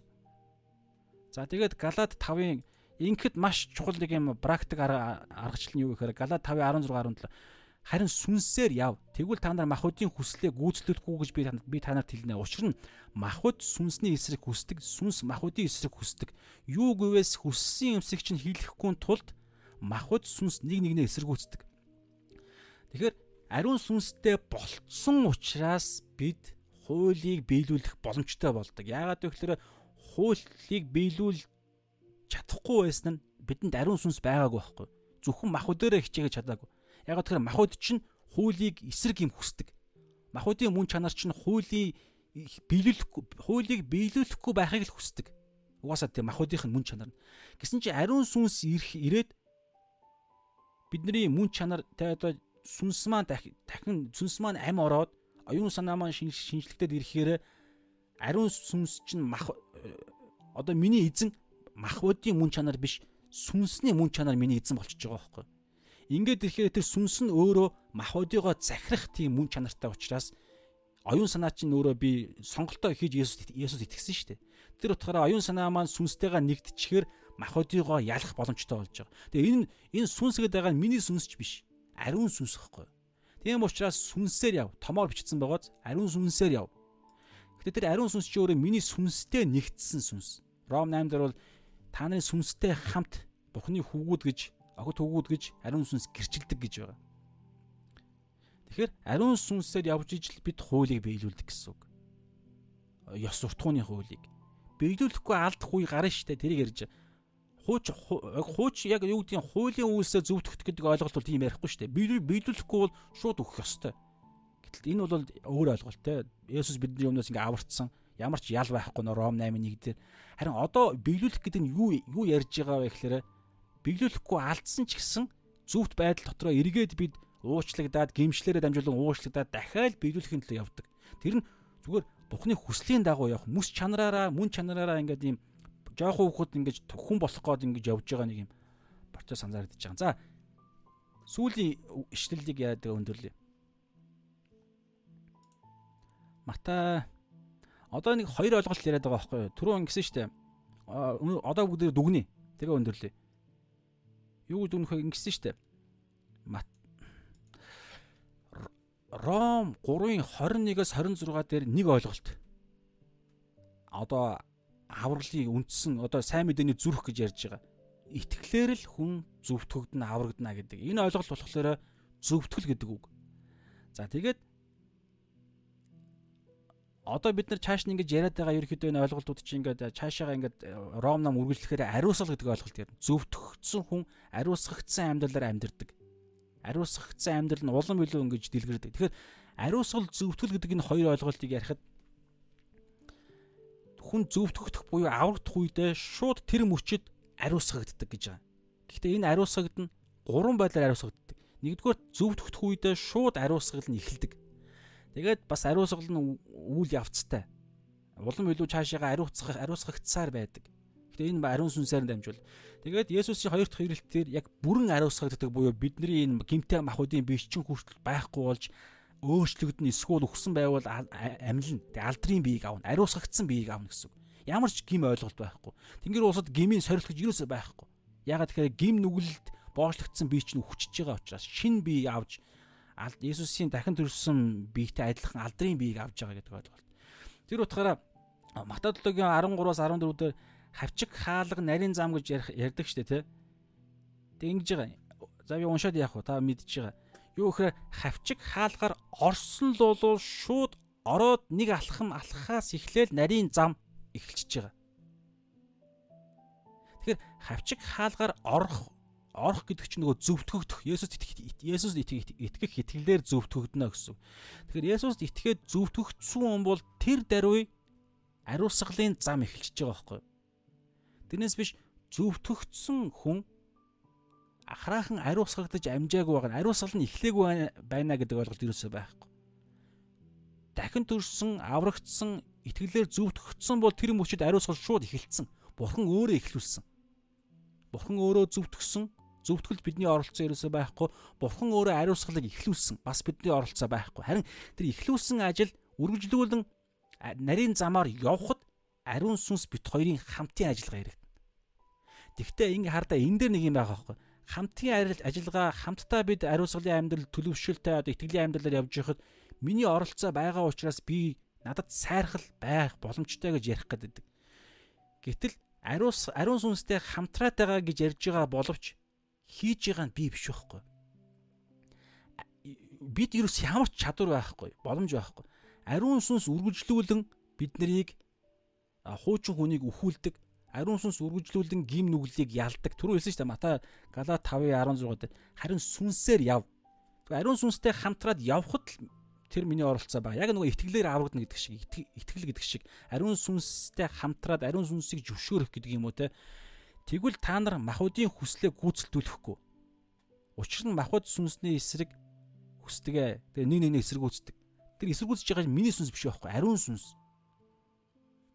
Тийм учраас ариусгалын амьдрал дээр ч гэсэн надад сайрхал байхгүй гэж ярьж байгаа. За ингээд ерөнхийдөө өнөөдөр хэсэг өндөрлж जैन тэгээд бүгдээ залбираад өндөрлөө яг го ганц өгүүлбэрээр дүгнсэн дээр бах те гинт цогсоод яг. Тэгэхээр а Ром 3-ын 21-ээс эхлээд одоо зөвтгөл эхэлсэн. 3-ын 21-ээс 26 хүртэл зөвхөн Есүст итгэх итгэлээр хүн зөвтгөгддөг гэдгийг үтсэн. Энэ үннээс салаалаад 3 үнэн гарч ийн. Нэгдүгээрт энэ энэ үнэн хэрэг үнэн юм бол хүн итгэлээр зөвтгөгддөг юм бол зөвхөн итгэлээр зөвтгөгддөг юм бол ямар ч үйлс оролцоо байхгүй бол үйлсийн оролцоо байхгүй чинь ямар ч үйлсээрээ сайрах сайрхал байхгүй. Бүх сайрхал устсан гэж ярьж байгаа. Энэ нь зөвхөн зөвтгөл дээр ч биш, ариусгалын амьдрал дээр ч гэсэн. Тийм учраас тэр утгаараа хаанч сайрхал нь хаанч байхгүй гэж ярьж байгаа тий 27 дээр. Сайрхал нь хаана вэ вэ? Хаанч байхгүй гэж ирсэн тий. Хаач үгүй. За бүр устгагдсан. Сайхан ерөөсөө устгагдсан байхгүй болсон.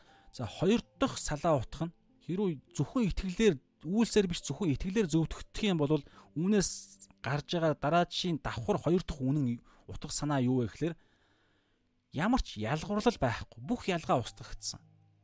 Ямар үндэстэн байх нь хамаа байхгүй. Израиль, Юдэ хамаа байхгүй. За тэгээд итгэвч болсон. Итгэвч болсны дараа ч гэсэн ямар ялгаатай ариун сүнсний ялгаатай бэлэг авьяас ялгаатай үйлчлэл ерөөсө ямар эргэтэн байх нь хамаа байхгүй. Бүгд ялгаагүй нэг. Энэ хүртэл устгагдсан. Бүх ялгаа устгагдсан. Бүгд адилхан нэг.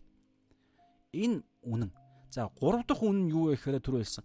Хууль үргэлжлүүлэн а хууль хуульдаа ёс суртахууны 10 хууль гэж ярьж байгаа тий 10 хууль дээр чинь бусад бүх хууль суурилдаг байхгүй ерөөхдөө 613 ч. Тэгэхээр хамгийн суур хууль болох өөрчлөгдөшгүй ёс суртахууны хууль одоо ч үйлсээр биш итгэлээр зөвтгөгддөг юм болвол 3 дахь үнэн буюу бид одоо ч гэсэн хуулийг биелүүлдэг гэдэг үнэн хിവэрэ. Яаж вэ гэхээр итгэлээр дамжуулан итгэлээрээ дамжуулан зөвтгөгддөг итгэлээрээ дамжуулан ариусгагддаг. Тэр ариусгалын процесс ч өөрөө хуулийг биелүүлэх ёс суртахууны хуулийг биелүүлж байгаа процесс аахгүй ерөөхдөө бол Бурхны хүслийг биелүүлнэ гэсэн үг ерөөхдөө. Ариусгал гэдэг чинь юу юм?